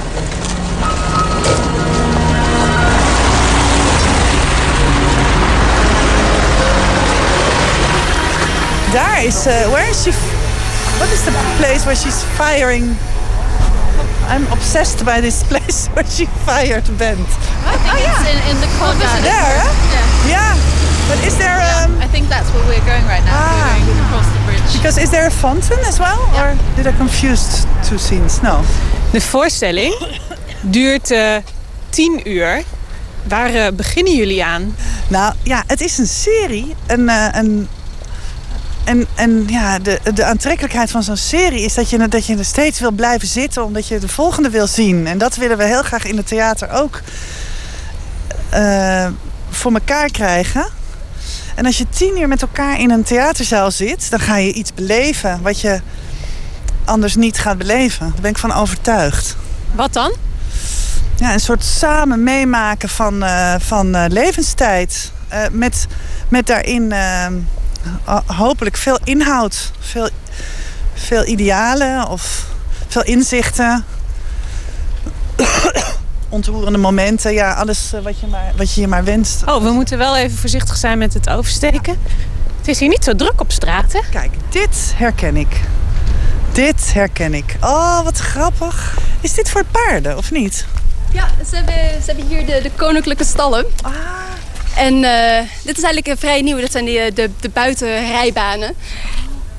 Maar dit ziet er misschien herkenbaar uit. dit de is, fontein eh, waar Bent en Begin altijd samen zaten. Die was eigenlijk precies Oh, nee. hier. En die moesten Nou, ze dus weghalen. Vlak na de derde, derde seizoen hebben ze het weggehaald. Dus eh, Oh. ze hadden niet aan de Borgman fans gedacht, sorry. Even, ik moet...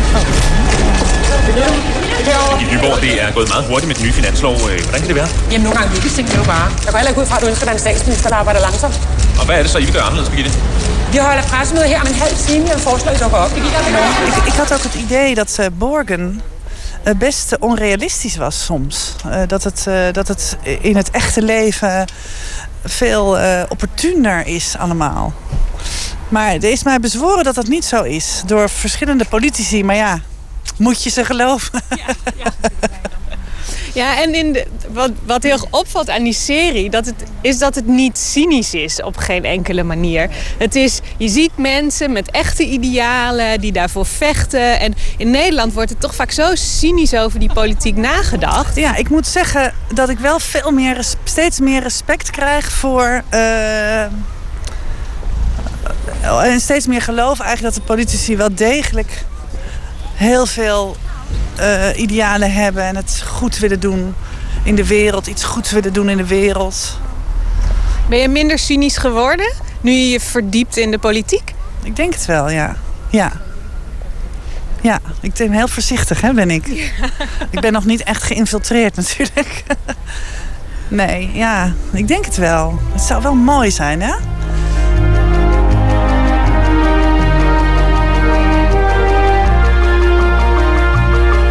Hi. Ik heb heel vaak hi, hi gezegd.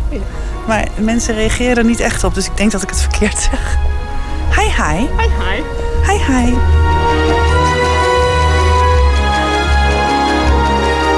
Hebben jullie eigenlijk de, hebben jullie de vrije hand gekregen van eh, de makers van de serie hier... om, om ermee te doen wat je wil? Adam Price, die, eh, die, die denkt wel steeds nog mee.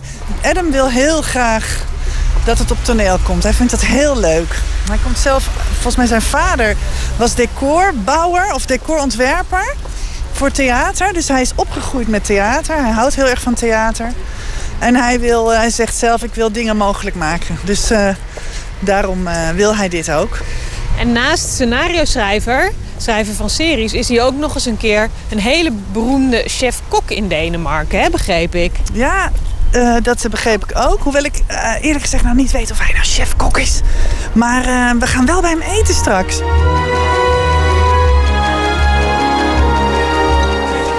Het restaurant van Adam Price ligt in amusementspark Tivoli in Kopenhagen.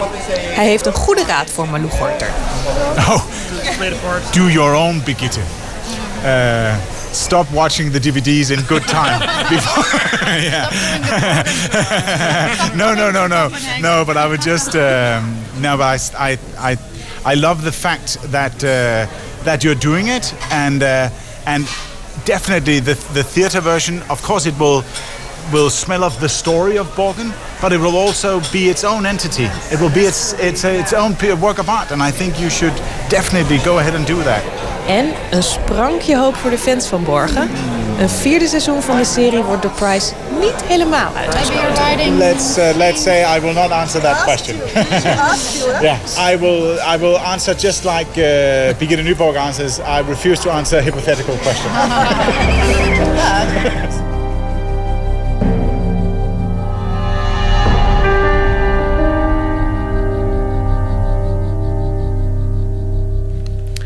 Vanaf maart te zien de voorstelling Borgen van het Noord-Nederlands toneel. We hebben het eh, al vaak gedraaid in dit programma. De Britse soulzanger Quabs. Maar eh, zijn volwaardige eerste album is dan nu eindelijk verschenen. Love and War is daarvan de titel. Het nummer waarvoor we kozen heet Cheating on Me.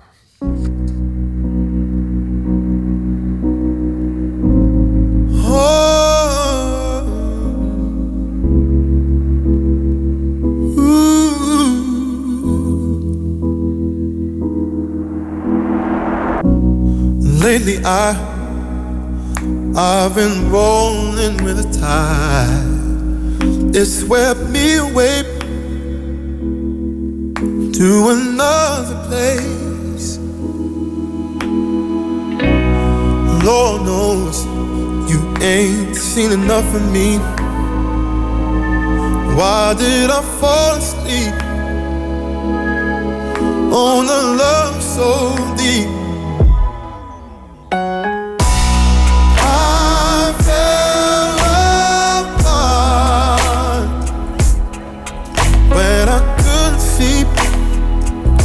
I was cheating on me.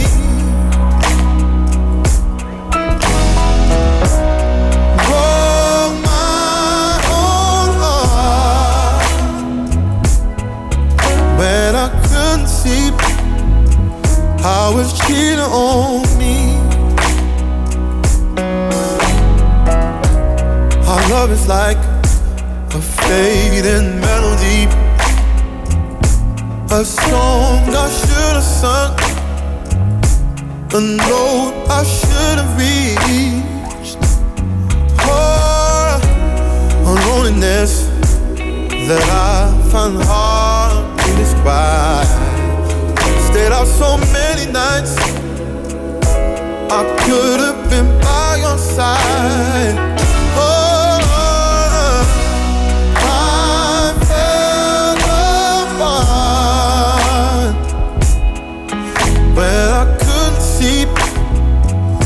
I was cheating on me.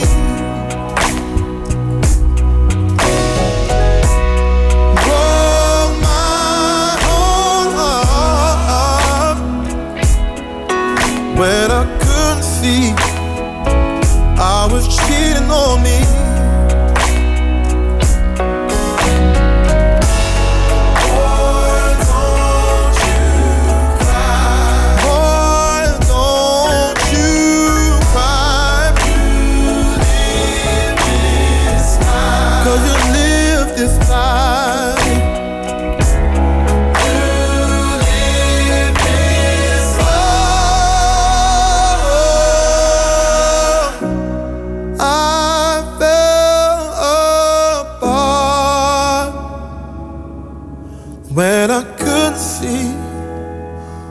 I was cheating on me.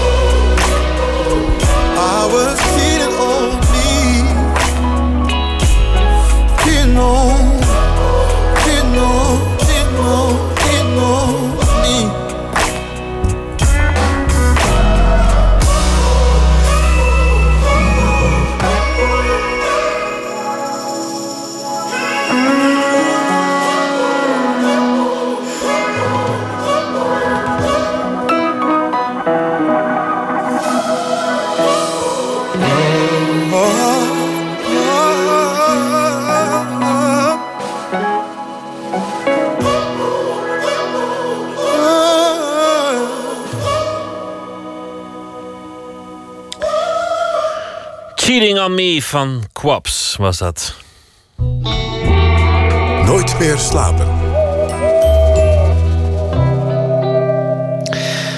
Vandaag eh, is bekendgemaakt dat het Nederlandse architectenbureau Meccano, het Delftse architectenbureau Meccano, de beroemde New York Public Library mag renoveren. Een reusachtig project. 300 miljoen dollar is het budget en het is ook nog allemaal enorm prestigieus. Botte Jellema is de nachtcorrespondent. Goeie nacht, Botte. Goeienacht. Allereerst, wat, ga- wat gaan ze doen met het gebouw? Ja, renoveren. Maar wat ze er precies mee gaan doen, dat is eigenlijk nog een beetje de vraag. Want eh, nee, het gaat in Amerika een beetje anders dan Euro- in Europa. Eh, hier moet je als architect meteen een heel plan met tekeningen en, en maquettes en alles aanleveren. En eh, dat doen dan heel veel architecten en daar wordt dan eentje uitgekozen. Amerikanen die kiezen eerst de architect. En die gaat daarna pas een eh, ont, ontwerp maken. Dus we weten eigenlijk nog niet precies wat ze gaan doen. Meccano is bekend onder meer van de, de grote M boven de skyline van Rotterdam. Van de, de bibliotheek van de Universiteit van Delft. Allemaal, allemaal best wel moderne gebouwen. Maar Mhm. De bibliotheek in New York is, een, is een, juist een heel beroemd ouderwets gebouw. Een beetje, een beetje statig. Ja. Fifth Avenue, Manhattan. Ja. Laten Ja. we het eerst eens hebben over hoe ze het voor elkaar gekregen om dit te gaan doen. Waarom zijn zij gevraagd? Nou, je, je zegt ze maken hele moderne gebouwen, doen ze ook. Ehm, maar ze hebben bijvoorbeeld ook eh, het Compagnietheater. Het, of tenminste, wat dat, dat oude, dat heette voorheen het uh, Trusttheater in Amsterdam. Hebben ze eh, ge- gedaan, gerenoveerd, gebouwd, omgebouwd. Vanuit een kerk in ieder geval hebben ze daar een theater van gemaakt. Dus eh, dat van oude gebouwen wat anders maken, of in ieder geval dat aanpakken, daar eh, zijn ze wel goed. In hun eigen huis trouwens ook. Ze zitten in Delft in een heel oud pand, wat ze ook heel erg eh, goed hebben gerenoveerd. Ehm, ze werken trouwens ook al over de hele wereld. Dus in die zin komen hier wel wat dingen bij elkaar. Ze hebben ook in de Verenigde Staten al de nodige dingen gedaan. In eh, Washington hebben ze een bibliotheek onder handen genomen. Ehm, maar de bibliotheek van New York is inderdaad wel eventjes een beetje van andere orde. Het is ook een heel groot traject geweest. Ehm, er was al een keer een architect uitgekozen om dat te gaan doen, die renovatie. Maar die kreeg er zulke ruzie dat hij er weer is afgehaald. Ehm Meccano is er acht maanden mee bezig geweest. Ze zijn zeven keer naar New York gegaan om dat bestuur van de bibliotheek te overtuigen. En dat is uiteindelijk gelukt, want ehm, achter dat bestuur staat bij zoiets in Amerika dan eh, zo'n eh, zo'n trust, zo'n eh, board of trustees.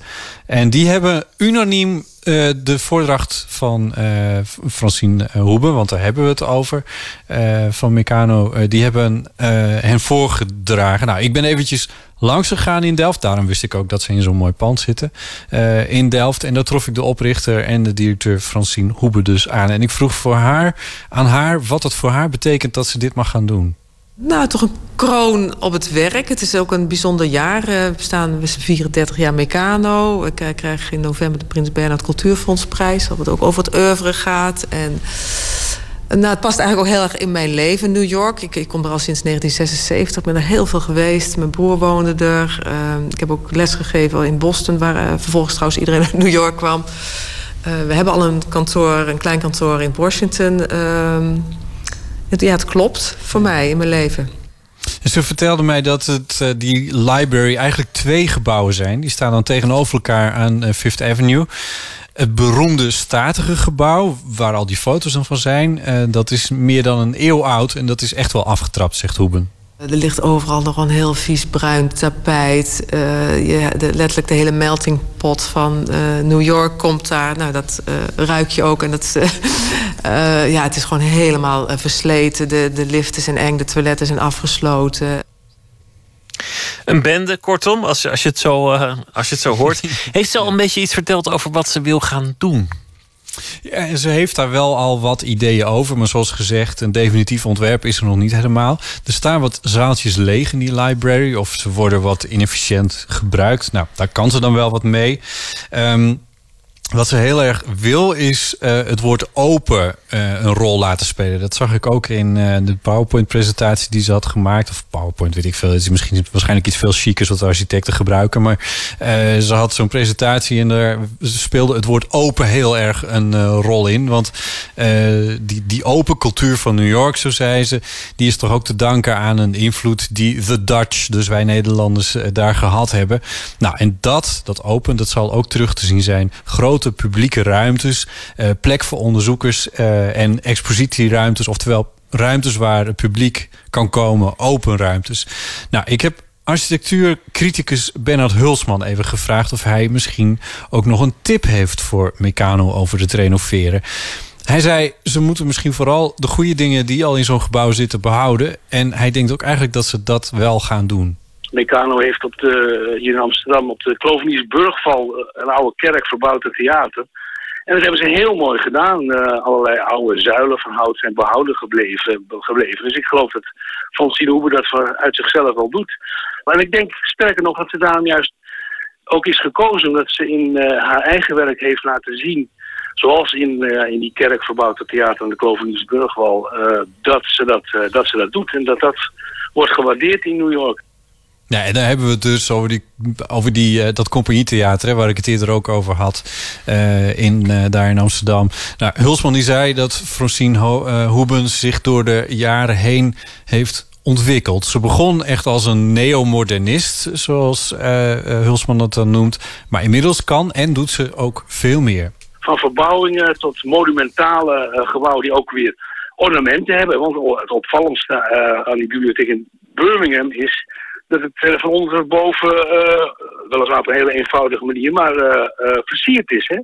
En dat is toch wel opzienbarend voor iemand die begon als een neomodernist. En modernisten hebben het ornament toch verboden. Dus ze heeft zich ont- ontwikkeld tot een hele brede architect die monumentaliteit niet schuwt, die het ornament niet schuwt.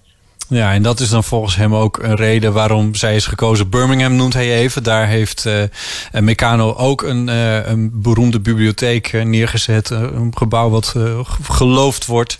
Ehm, overigens zei Francine Hoebe tegen mij dat het uh, Compagnietheater... waar Hulsman het dus eerder ook over had... een van haar favoriete gebouwen is. Dus wellicht is dat nog een voorbeeld voor wat er in New York gaat gebeuren... Alleen is dat gebouw toen wel met een totaal ander budget gemaakt dan ze nu bij de Public Library of New York heeft. Het is natuurlijk ook een, een gebouw met een openbare functie en een eh, toeristische attractie ook nog. Ehm, het zal niet dicht gaan. De collectie moet natuurlijk intact blijven. Lijkt me een open deur. Eh, 1,7 miljoen bezoekers hebben ze gemiddeld eh, per jaar, of althans vorig jaar. Hoe ga je dat doen eigenlijk, zo'n zo'n bibliotheek renoveren? Ja, nou ja, gaat er maar aan staan. Het wordt echt een project van uh, jaar. Dat gebouw kan inderdaad niet eventjes dicht. Um, dat wordt dus een hele groot, uh, groot probleem voor ze. Uh, Hoeman die verhuisde ook voor naar New York. Ze beginnen daar over twee jaar met die renovatie. Moet in 2019 klaar zijn. Al vertelden ze mij ook dat ze er waarschijnlijk wel zo'n tien jaar uh, mee bezig zal zijn uiteindelijk. Het is een enorm project, maar ze heeft er heel veel zin in. Ze zei dat ze tijdens haar verblijf in New York van de afgelopen tijd uh, steeds een hotel boekte met uitzicht op die bibliotheek. En dan kon ze steeds een beetje zo zien wat er dan gebeurde. En eigenlijk, ik kreeg zelf ook echt wel het idee dat ze echt van het gebouw is gaan houden. Luister maar eventjes naar wat ze me tenslotte over vertelde. New York is de stad van de immigranten. En iedereen heeft daar, nou ja, kon daar boeken vinden, kon daar Engels leren. Uh, het was het, het, het, gebouw, hè, de, de, de, stad die open wil zijn voor iedereen. Dat is, is deze bibliotheek het symbool van. Uh, People's Palace. Dat iedereen daar terecht kan en mag. Je wordt niet gecontroleerd. Je mag zijn wie je bent. Je mag denken wie je bent. En daar wil deze bibliotheek, deze beide gebouwen, voor staan. En voor al die immigranten is dat ongelooflijk belangrijk geweest. En dat, in die zin is het natuurlijk ook wel heel interessant om aan het Europa van nu te linken. Dat bibliotheken zijn het meest belangrijke gebouw eigenlijk in een stad uh, of in een dorp. Uh, en die functie moet het weer vervullen. En ik zou hopen dat de bestuurders daar ook over, zo over zouden denken. Ja, meteen ook een oproep aan Nederlandse bestuurders hier door Francine Hoebe. Denk aan bibliotheken in deze tijden van uh, migratie. Een ode aan de bibliotheek van uh, Francine ja. Hoeben. Zij was uh, vorig jaar, 4 april 2014, te gast in dit programma. Ik weet het nog goed. Ik was geveld door de griep. En Anton de Goede moest op het laatste moment inspringen... en heeft ja, zich klopt, duchtig ja. geweerd. En dat was een mooi gesprek. Is terug te luisteren via onze website. Botte Jellema, dankjewel. Goeienacht. Goeienacht. Na 31 jaar en heel veel hits hielden ze er in 2011 mee op. R.E.M. Nieuw werk zal er voorlopig dus niet komen, maar soms vind je nog eens iets in het archief. Bijvoorbeeld deze akoestische versie van S.O. Central Rain. Hier is R.E.M.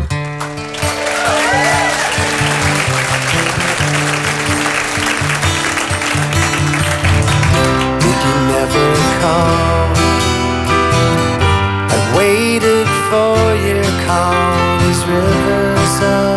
Suggestion are driving me away.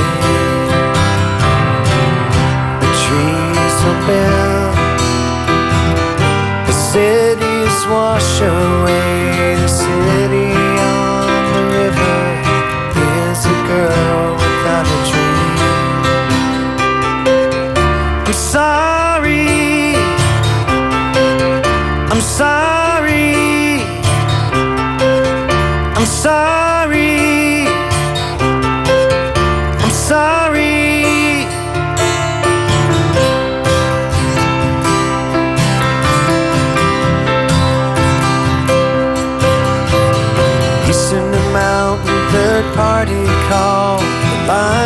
Down, the wise man built his words upon the rocks. But I'm not bound to follow suit. The trees will bend, the cities wash away. The city in the mountains is a boy without a dream.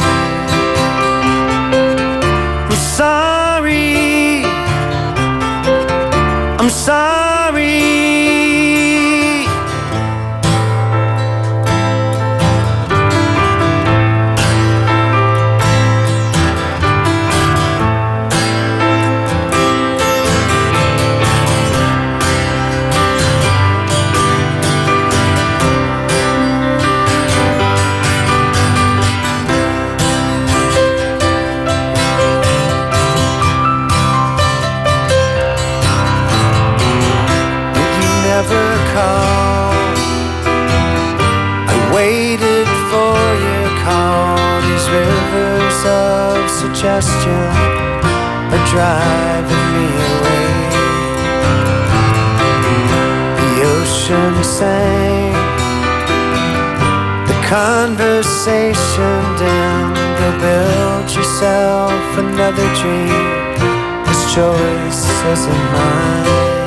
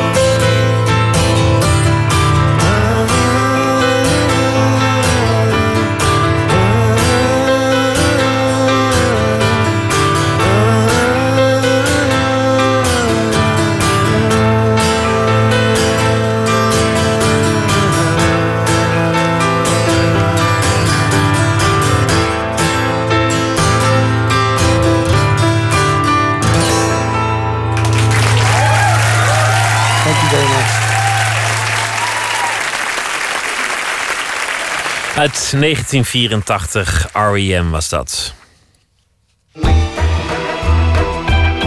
Nooit meer slapen. Het is moeilijk iets terug te vinden van de beginperiode van de graffiti. Het is zelfs moeilijk om foto's terug te vinden. En street art wordt tegenwoordig voor grof geld verhandeld. En musea die zetten zich zelfs in om de muurschilderingen van slooppanden te redden. Eline Middel, alias Mikla Rock, begon met haar eigen naam op dingen te kladden toen ze 13 jaar oud was. Ze groeide uit tot een icoon in de toch voornamelijk mannelijke graffiti-wereld. Werkte samen met beroemdheden, Amerikaanse spuiters uit de jaren 80 en 90. En nu stelde ze een tentoonstelling samen, New York meets the Dam. Een tentoonstelling in het Amsterdam Museum over de connectie tussen de Amerikaanse en de Nederlandse graffiti, tussen New York en Amsterdam. En Nicolaou ontmoet Mikla Rock, zelfs met een heuse persvoorlichter. Ja, de tijden zijn echt veranderd. In het centrum van Amsterdam bij een van de weinige oude stukken die van haar zijn overgebleven. Ben je aan het opnemen al? Ja. Oké, is het geluid goed? Ja. Oké. Nee, de muur waar we nu voor staan, die is eh, op het parkeerplaatsje tegenover het Hotel de l'Europe. Daar heb ik een graffiti-werk op gemaakt in, nou het zal het zijn geweest, 2004. Het is een muur met een rijk graffiti-verleden al teruggaan naar de jaren 80. Daar hebben hele bekende werken van onder andere de USA-crew op gestaan. We hadden toestemming gekregen van de eigenaar van het pand. Ik heb wel een rolstijger gehuurd, omdat ik wist als ik hoog ga, dan blijft het staan. Ik kwam eh, aanfietsen en we hadden hier afgesproken. En ik dacht meteen al van een afstand... die is van Mikla Rock, van Ellie Middel. Hoe zou je die stijl omschrijven zelf? Ik omschrijf mijn eigen stijl als een abstractie van de traditionele New Yorkse graffiti-letters. En wat heel opvallend is aan eh, deze piece is eh, een groot groen kattenoog. Het is een periode geweest, mijn oogbalperiode. Ja, dat heb je. Dat, sommige kunstenaars hebben een blauwe periode of een zwarte periode. Ik had een oogbalperiode. Oh, hier zie ik nog wat eh, tags op de muur. Ja, heel goed gezien. Maar dat is best wel een uitzondering inmiddels eh, in dit hele gebied. Ehm, of zie jij ze nog wel overal? Nou, als je heel goed kijkt zie je overal wel tags. Maar het komt niet meer zo vaak voor dat er zoveel tags op een muur staan van een eh, oud gebouw in de binnenstad. De binnenstad is echt schoon vergeleken bij hoe het in de jaren 80, jaren 90 was. Dus niet vergelijken. Nee, weet je nog hoe het er hier toen ongeveer zo uitzag? En je kan je indenken dat alles onder die lijnen, en dan hebben we het over zo'n metertje of 2,5, was gewoon volledig volgetekt. Daar zat amper een uh, stukje kale muur nog op. Zo zag gemiddeld Amsterdam, een gemiddelde Amsterdamse muur eruit. Ja, gewoon overal, in de hele stad. Overal. Jij zat in Groningen. Hoe was het daar dan? Alle steden hadden een, uh, een uh, grote graffiti scene, een grote levendige graffiti scene. En hoeveel van die tags in Groningen waren dan van jou? Was je echt heel actief? Dat je echt zoveel mogelijk deed? Ik was een heel actief lid van de Groningse graffiti scene.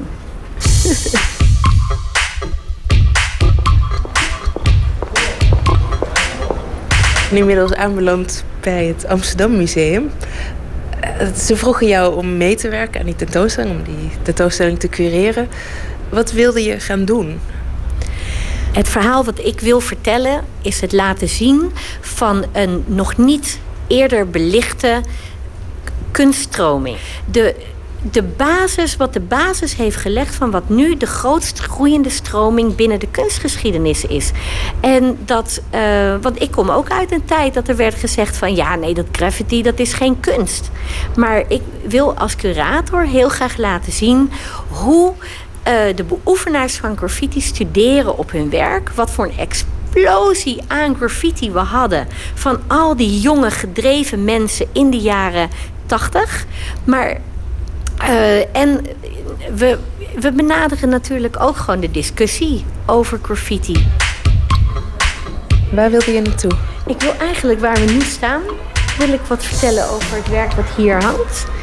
Um, dit is een werk van Lady Pink uit New York. Lady Pink was uh, ja, voor mij toch echt een, uh, een voorbeeld. Zij was de enige vrouwelijke naam die met al die grote andere namen meeging. Maar ook in alle documentatie over graffiti in New York te vinden was. In de periode dat ik, zelf, ja, dat ik zelf opgroeide met graffiti. Uh, het is eigenlijk een, een zelfportret van Lady Pink. Uh, staande zonder, ja, zonder kleding, dus ze is naakt en ze staat op een hele grote berg met spuitbussen. Ze kijkt naar een metrotrein die op de metrobaanbrug, zeg maar zo'n verhoogde metrolijn, uh, voorbij rijdt. Het werk heet The Death of Graffiti. En in New York werd er een hele harde strijd gevochten tegen graffiti. Ik denk niet dat een mannelijke graffiti-kunstenaar zichzelf op deze manier zou afbeelden. Dat, dat, ik vind dat iets heel gewaagds, iets heel vrouwelijks, iets heel krachtigs. Dat je gewoon zo kunt uiten hoe je je voelt over het feit dat jouw kunstvorm uh, aan banden wordt gelegd. Ik zat nog niet eens op de middelbare school toen ik gegrepen werd door graffiti als fenomeen. Ik denk dat ik nog op de lagere school zat. En wat was er aan graffiti-wereld? Je had in Amsterdam punk graffiti schrijvers. En wanneer kwam die invloed vanuit New York dan in Nederland? De invloed van New York in Nederland kwam eigenlijk door galerie Jaki Kornblit. Die had al als jonge galeriehouder uh, zag hij graffiti in New York of hij werd erop geattendeerd. En hij ging naar New York om dat eventjes te onderzoeken. Kwam in gesprek met een van de kunstenaars of van de schrijvers. En die bracht hem weer in contact met andere schrijvers. En hij koos er een stuk of tien uit die hij naar, naar Nederland meenam voor uh, solo-exposities in zijn galerie. En uh, die jongens die bleven natuurlijk niet alleen maar in de galerie werken. Die gingen ook op straat. Die zagen hier die punk graffiti. En alles wat, ja, alles wat daaruit voortkwam. En die dachten van, oh wauw, nee, de Amsterdam is geweldig. En die lieten hier hun sporen achter, maar op de New Yorkse manier. En dat was heel veel groter, veel meer met stijl. Um, En dat inspireerde een jonge generatie van graffiti-schrijvers om ook dat eens uit te proberen. En, En, en, hoe, hoe kwam jij daarmee in contact dan? Want toen zat je Ja. dus, nou, toen inmiddels denk ik wel op de middelbare school. Eh, Nou, eh, er kwam een boek uit, want ik, ik vond het graffiti zelf heel leuk om naar te kijken. Er kwam een boek uit dat heet Subway Art. En van twee Amerikaanse New Yorkse fotografen, Henry Chalfant en Martha Cooper. En dat boek dat liet de graffiti op de treinen van New York zien. Nou, en dan ken je de graffiti die met een stiftje om je hoek, om je eigen hoek wordt gemaakt. En je vergelijkt dat dus met die New Yorkse graffiti. En dan denk je, oh wauw, maar in New York doen ze het bigger and better, weet je wel? Toen dacht jij, dat wil ik ook. Ja, dat dacht ik. Dat wil ik ook. are coming to your town. So stay alert. Hier in deze vitrine zie je eh, de zogenoemde black books of peace books, waar graffiti-kunstenaars hun werk in tekenen, maar ook elkaar werk in laten tekenen. Hierin laat je zien hoeveel stijl je hebt voor elkaar. Een heel groot boek met een binnenkant getekend door Keith Haring. Haring deed een, tentoonstelling in het Stedelijk Museum in 1986. En eh, daar kwamen natuurlijk ook heel veel graffiti-jongens op af... die met hun blackbooks naar hem toe gingen... en hij zijn tekening in hun blackbooks deed. Nou, twee van die blackbooks hebben we in de, eh, in de collectie... en we zijn heel trots om die te laten zien. Dan komt Keith Haring ook opeens heel dichtbij. Als je zo echt zo'n handschrift ziet. Het is natuurlijk zo bekend geworden met alle nou ja, mokken en broodrommeltjes en eh, eh, goedkope posters. Maar dit, dit is echt zijn, zijn handschrift, gewoon heel puur. Dit, dit is echt Keith Haring. En ik ben, zelf, eh, ja, ik ben zelf een groot fan, al vanaf dat ik klein was. En om dan zo van zo dichtbij zijn tekeningen te bekijken. En eh, ja, dat, dat is toch anders inderdaad dan die mok die je koopt in de Museum Gift Shop. Maar ik moet zeggen, wij gaan. Ik heb begrepen dat onze museumshop ook wat eh, Keith Haring eh, Mokken. mokken gaat verkopen. ja, als tiener en als jong twintiger. Ik had echt posters van de skyline van Manhattan in huis hangen. En ehm, boeken over New York. Ik heb echt me helemaal suf gelezen over de stad. En eh, de pre-internettijd. hè. Dus ik had ook een eh, plattegrond van eh, New York. Dus ik, ik dacht dat ik New York al wel een beetje kende. En dankzij mijn ontmoeting met de New Yorkse graffiti-kunstenaars in het Groninger Museum. En daaruit ontstonden ook vriendschappen. Of ja, weet je, je gaat brieven schrijven met elkaar. En uit, ik werd uitgenodigd van kom, kom je nou naar New York of hoe zit het? Ging van, van echt van de Bronx naar, naar Brooklyn, van Queens naar Manhattan. Om al die graffiti te bekijken en te fotograferen. En ehm, de, mensen die mij uitnodigden, die gaven mij ook de locaties op. Van hier moet je naartoe en daar moet je naartoe. En ik heb zeker ook zelf ook mijn, eh, daar ook mijn graffiti's gemaakt op die plekken. In de mid-jaren tachtig kregen we echt een graffiti-explosie. Zoveel jonge mensen die erdoor waren gegrepen. En de vitrinekast die we hier hebben, waar we voor staan, laat een aantal van hun blackbooks zien. En spijkerjasjes. En die spijkerjasjes die hebben een rugpaneel beschilderd met graffiti. Waarop eh, de schrijvers hun eigen naam deden of iets wat of een mooie kreet. Het meest linkse jasje is van Jasper Krabbe. Hij was eh, bekend onder de naam Jazz in de mid-jaren tachtig. Bij de mouwen echt tot op de draad toe versleten. En alle viezigheid zit er nog op. Je wordt echt zo teruggecatapulteerd in die tijden. Ik denk dat dat het mooie is van deze tentoonstelling. Dat we je laten zien welke explosie graffiti voortbracht. Maar ook de kwaliteit van het werk. Want dit zijn allemaal werken van, van jongens van een jaar of 16 in die tijd. 15, 16. Dat die gewoon... eh, dat die gewoon echt... Ja, die hadden gewoon wat in huis. Gewoon het... heel... Ja, nou, ik word heel, ik word heel blij van.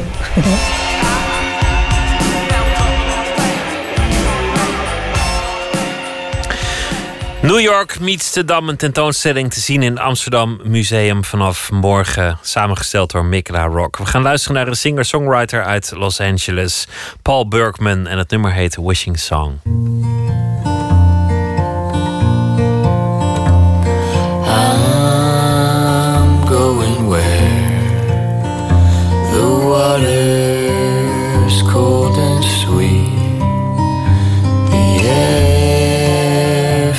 Like loving.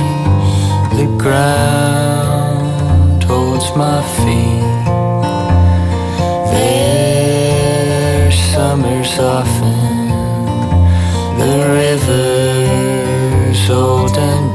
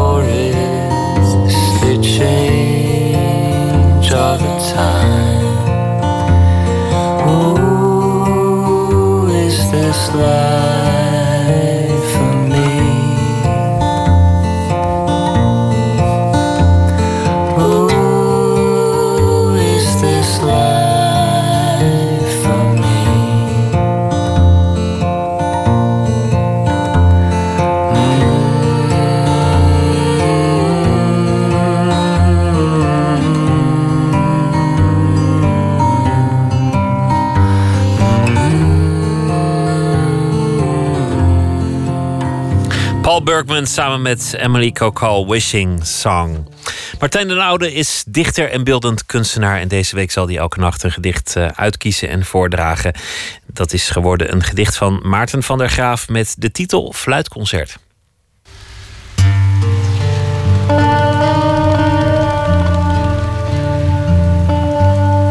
De dichter Maarten van der Graaf.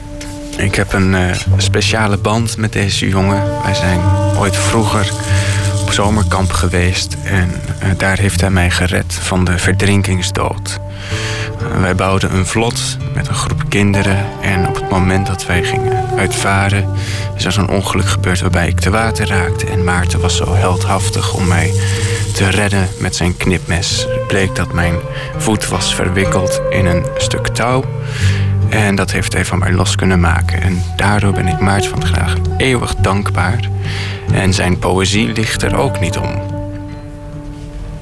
Dunne bundels zijn voor dichters zoals de lullige astmatische dood. Hoe klinkt dat? Maak dat eens zintuigelijk. Hoe ruikt dat? Een vrucht in de jeugd gegeten wordt op de tong van de lezer gematerialiseerd. Hocus pocus, wij zijn allemaal mensen. Neem en eet, wij zijn allemaal droef. In essentie, de rest zijn accidenten, natie en humeur. Martijn den Oude las het gedicht Fluitconcert van Maarten van der Graaf. Dit was Nooit meer slapen voor deze nacht. Morgen zit uh, Juri Vos hier in gesprek met Eskenaomi Perkin. Hij is van het toneelgroep Oostpol. En hij uh, zal praten over uh, Shakespeare onder meer. Wens ik u een hele goede nacht en morgen een leuke dag. Ik hoop dat u dan weer zult luisteren. En zometeen Astrid de Jong als nachtzuster. Een goede nacht.